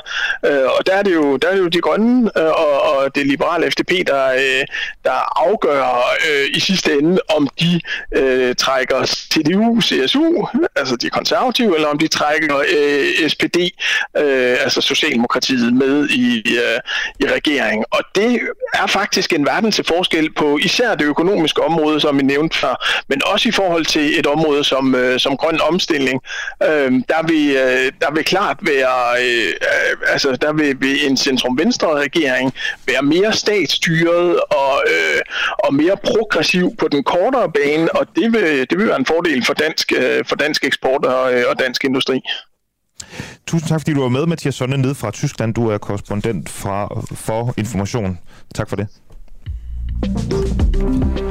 Ja, en lille lydsnas fra øh, Dansk Folkepartis øh, årsmøde, som vi var til, og vi har øh, en del lyde sådan gemt lidt væk. Her kommer en lille en til at lige at tage en lille, en lille pause på. Jeg kommer fra en uafhængig, en morgenradio. Hvad synes du om Martin Henriksens tale? Ah, den er vist lige for grov. Den var simpelthen for grov. Det ved du også selv, for du er selv medlem af enhedslisten, var ikke det? Nej, jeg, jeg, jeg er fra en morgenradio. Jeg er Nå, som journalist. Du ligner ellers sådan en. Ligner jeg en fra enhedslisten? Ja. Hvordan ser man ud, når man kommer fra enhedslisten? Ung, smuk. Det var ikke sådan. Det vil du gerne have med, ikke? Vil du gerne have Pia Kjærsgaard, hvis det var, tilbage som formand til at skabe et ro på partiet? Nej, det er jo ingen grund til. Hun er jo dygtig. Det er hende, der har skabt det. Og alle har jo lært af hende. Og det skal du jo være særlig glad for. For du skal være glad for, at du stadigvæk står i det tøj, du har. Det, der kommer måske en dag, hvor der er, jeg ikke engang kan kende dig. Hvorfor? Hvad vil jeg have på så? Ja, det burde du jo nok selv sige til dig selv. Du siger, der vil komme en dag... Der, du siger, der vil komme en dag, hvor jeg står i hvad? En burka, eller hvad? Måske. Hvordan skulle der komme det? Ja, det kommer an på, hvor mange der kommer her. Og hvordan, og hvordan du ser på det til den tid. Eller rettere sagt, mænden ser på hvor meget elsker du egentlig Danmark, hvis du skulle sige det på sådan... Hvor meget? Meget? Yes. Hvad, kan du komme med et konkret eksempel på, hvor meget du elsker Danmark? Helt fra Odin og Thor og hans guder. Freja, hele pu- publikummet. Det er Danmark. Jeg håber også, du har lært noget fra den tid.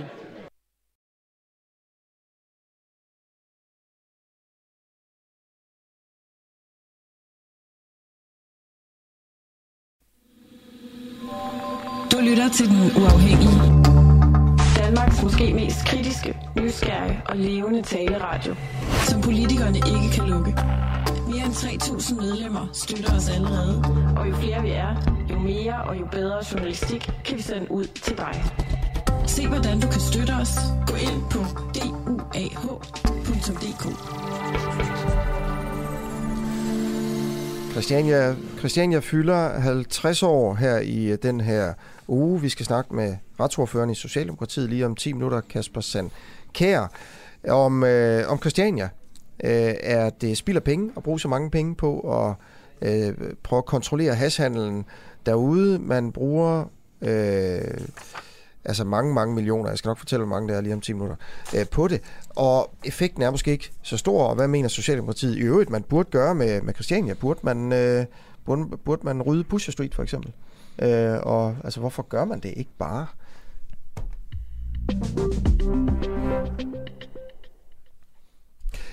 Øh, bliver man fyret for at lave satire om, om mellemledere på, øh, på DR? I april der udgav Jens Kjær Larsen bogen Mediefilejs, hvor han laver vidigheder om mellemledertyperne på Danmarks Radio.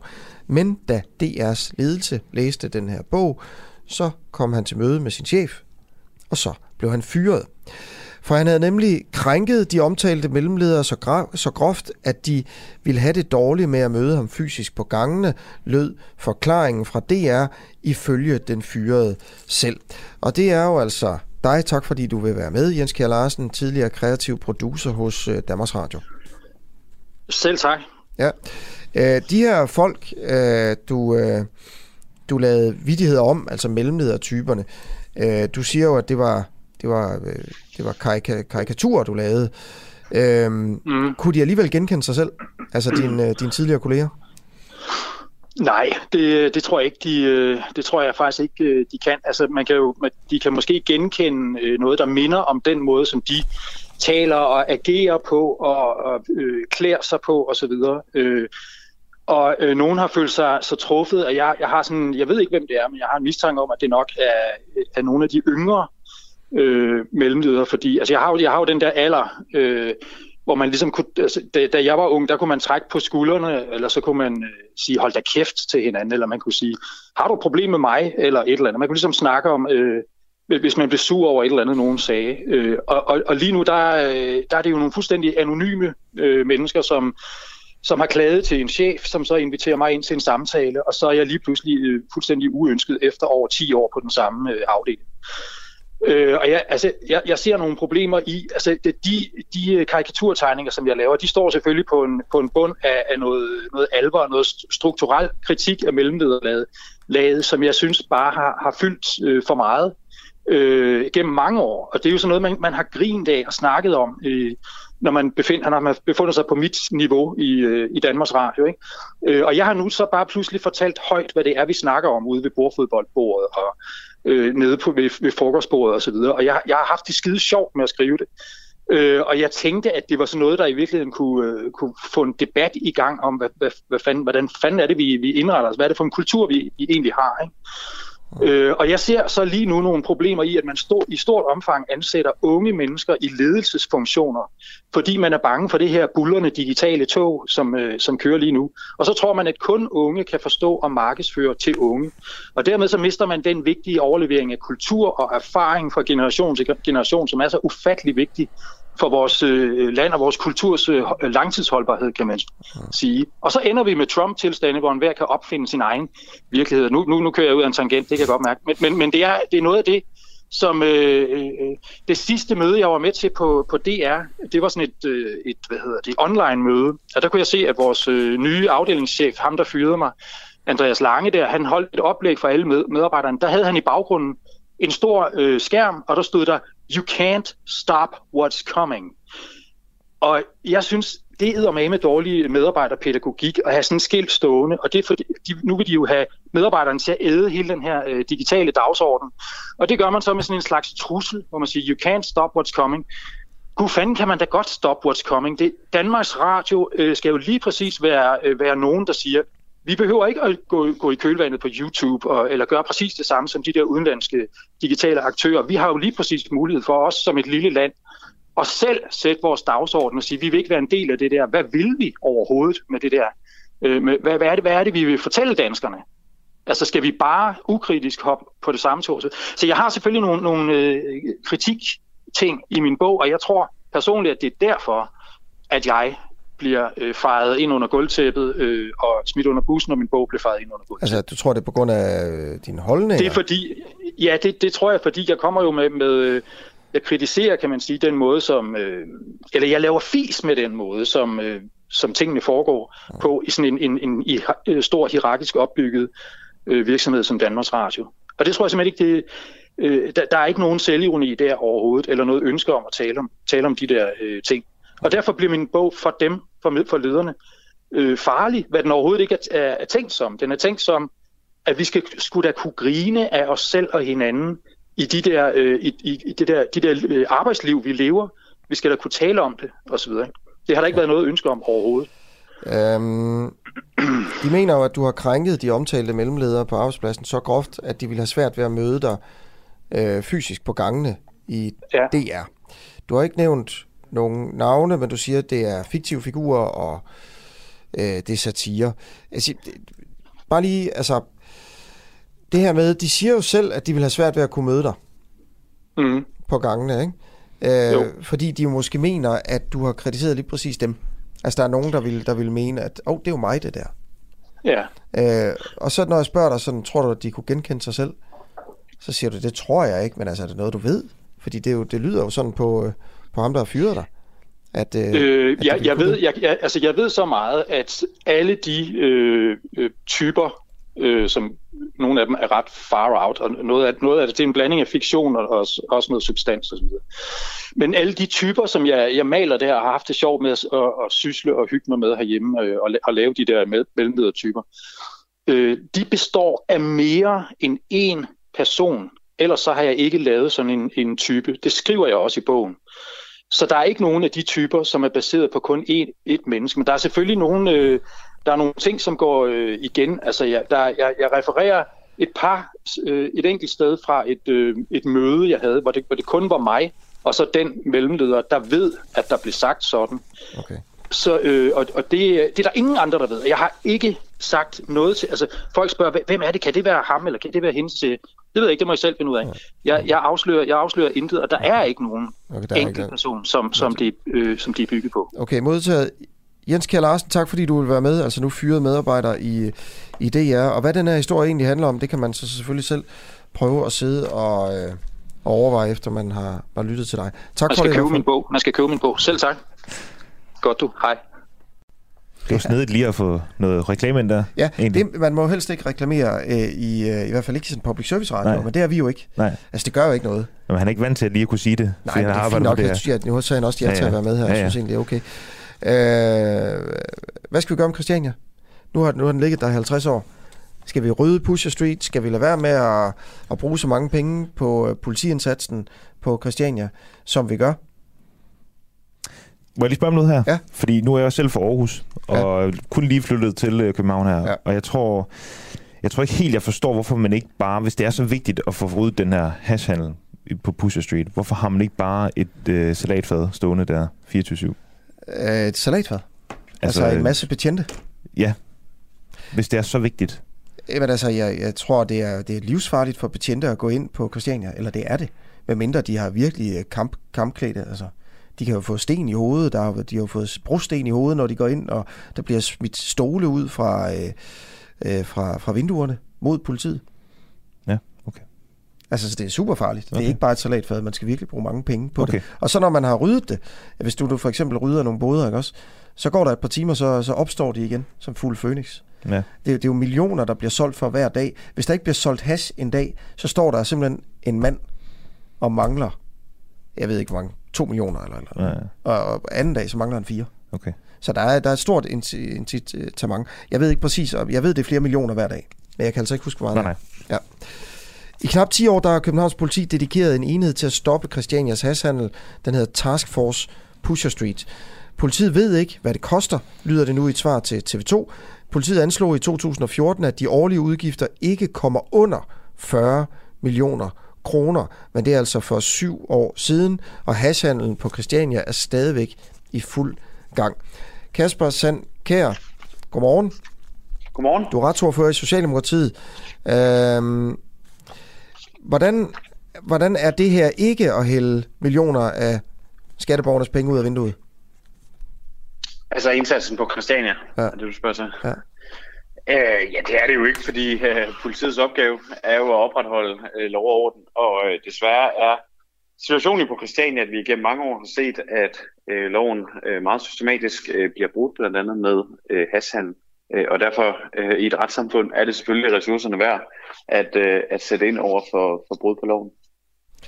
Øhm, altså, der er jo 500 årlige anholdelser på Christiania.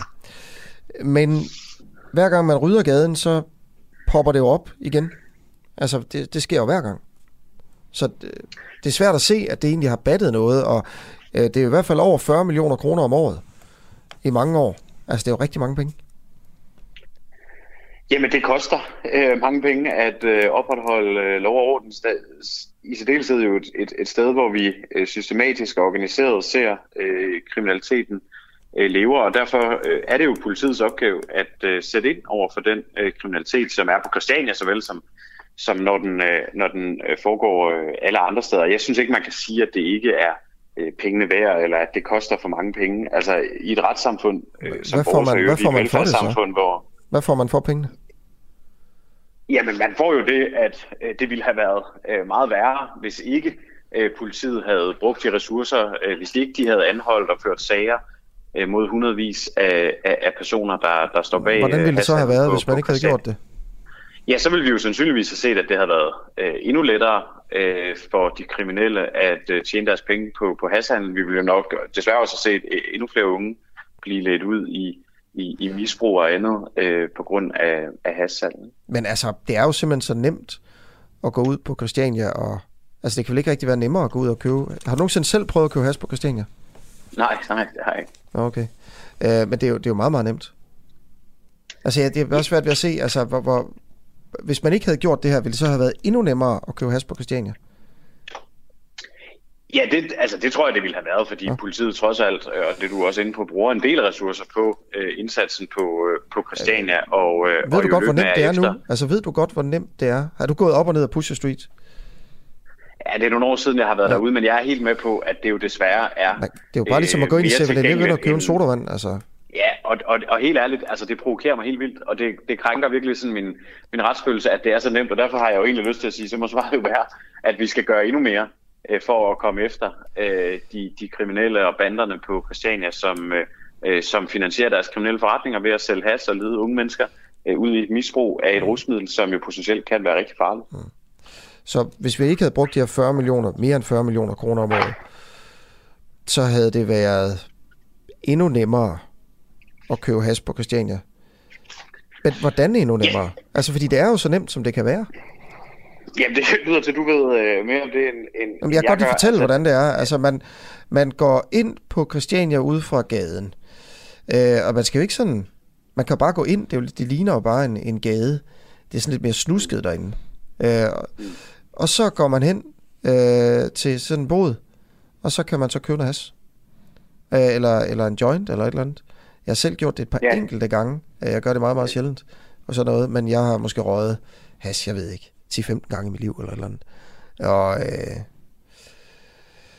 ja, altså, men, men, det er jo super men, men, nemt. Bare nødt til at øh, sige, ja, så hvordan skulle, det, det, det, hvordan skulle det have været nemmere, hvis man ikke havde brugt altså flere hundrede millioner kroner på det her?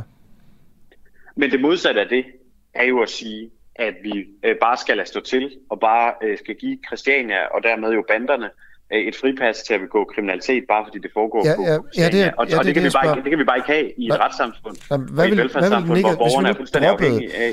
Ja, pointen er her, lige præcis, det er nemlig det. Uh, hvad vil, hvis vi nu droppede at bruge 40, altså mere end 40 millioner kroner om året på en politiindsats, som jo ikke får den her gade til at forsvinde overhovedet. Mm. Uh, hvad vil det negative konsekvens være, hvis man bare droppede den politiindsats? Jamen, der er, jo, der er jo to dele af det svar. Ikke? Altså, det ene er den helt konkrete. Øh, hvad, hvad vil det betyde på, på Christiania i forhold ja, til Pusher Street? Og, og selvom at, at jeg så forstår på dig, det er meget nemt at øh, købe pas på, øh, på Christiania, så vil det jo nok alt andet lige blive øh, endnu lettere, og i hvert fald være forbundet med endnu mindre risiko for øh, de kriminelle at øh, selvhas på Christiania, hvis ikke øh, politiet var til stede. Øh, der bliver jo foretaget anholdelser, der bliver rejst sigtelser, der bliver fældet dom mod øh, hashandlere øh, og, og bandemedlemmer på, øh, på, på Christiania. Det er jo den ene del af det. Den anden del er, og, det er jo, og der er det jo sådan mere et principielt spørgsmål at sige, vi har nogle love og nogle regler i vores samfund. Det er politiets opgave at sørge for, at hvis de bliver overtrådt, at der bliver sat ind over for det, at kriminaliteten bliver forhindret, begrænset så meget som muligt, at der bliver øh, ført sager mod øh, de, de kriminelle. Jeg kommer aldrig nogensinde til at sige, at det ikke er indsatsen værd at gå ind over for øh, kriminalitet. Nej, nej. Okay. Jamen øh, Kasper Sandkær, retsordfører i Socialdemokratiet. Kunne du tænke dig at fortsætte den her debat i morgen, og så kan vi prøve at vende den om øh, til at snakke om, hvorfor ikke bare rydde øh, det her? Ja, det kan da godt. Det kommer lige an på, hvornår, og, øh, og sådan noget, vi skal gøre det, men, øh, men jeg stiller i hvert fald gerne op igen. Fantastisk. Uh, vi sender mellem 7 og 9. Vi kan lige sende en sms til dig uh, bagefter. Det er Okay, det er godt. Ha' en fortsat god morgen. Ja, lige måde du. Hej. Den tager jeg den her. Hva? Morgenholdet i dag, det var ja. Pernille Brunse og Øjsen Shapiro, og mit navn det er Peter Marstal, og ved siden af sidder Asger Juhl. Ja. Ja. Tre nye mennesker i dag yes. på hverdagsrollen. Så ja, det var din første dag som vært. Ja. Og Øjsens første dag som producer, og Pernille Brunses første dag som journalist om morgenen. Ja. Hvordan synes du egentlig, det er gået altså med din egen præstation? På en skala fra 1 til 10, hvor 10 er bedst? Øhm, 6.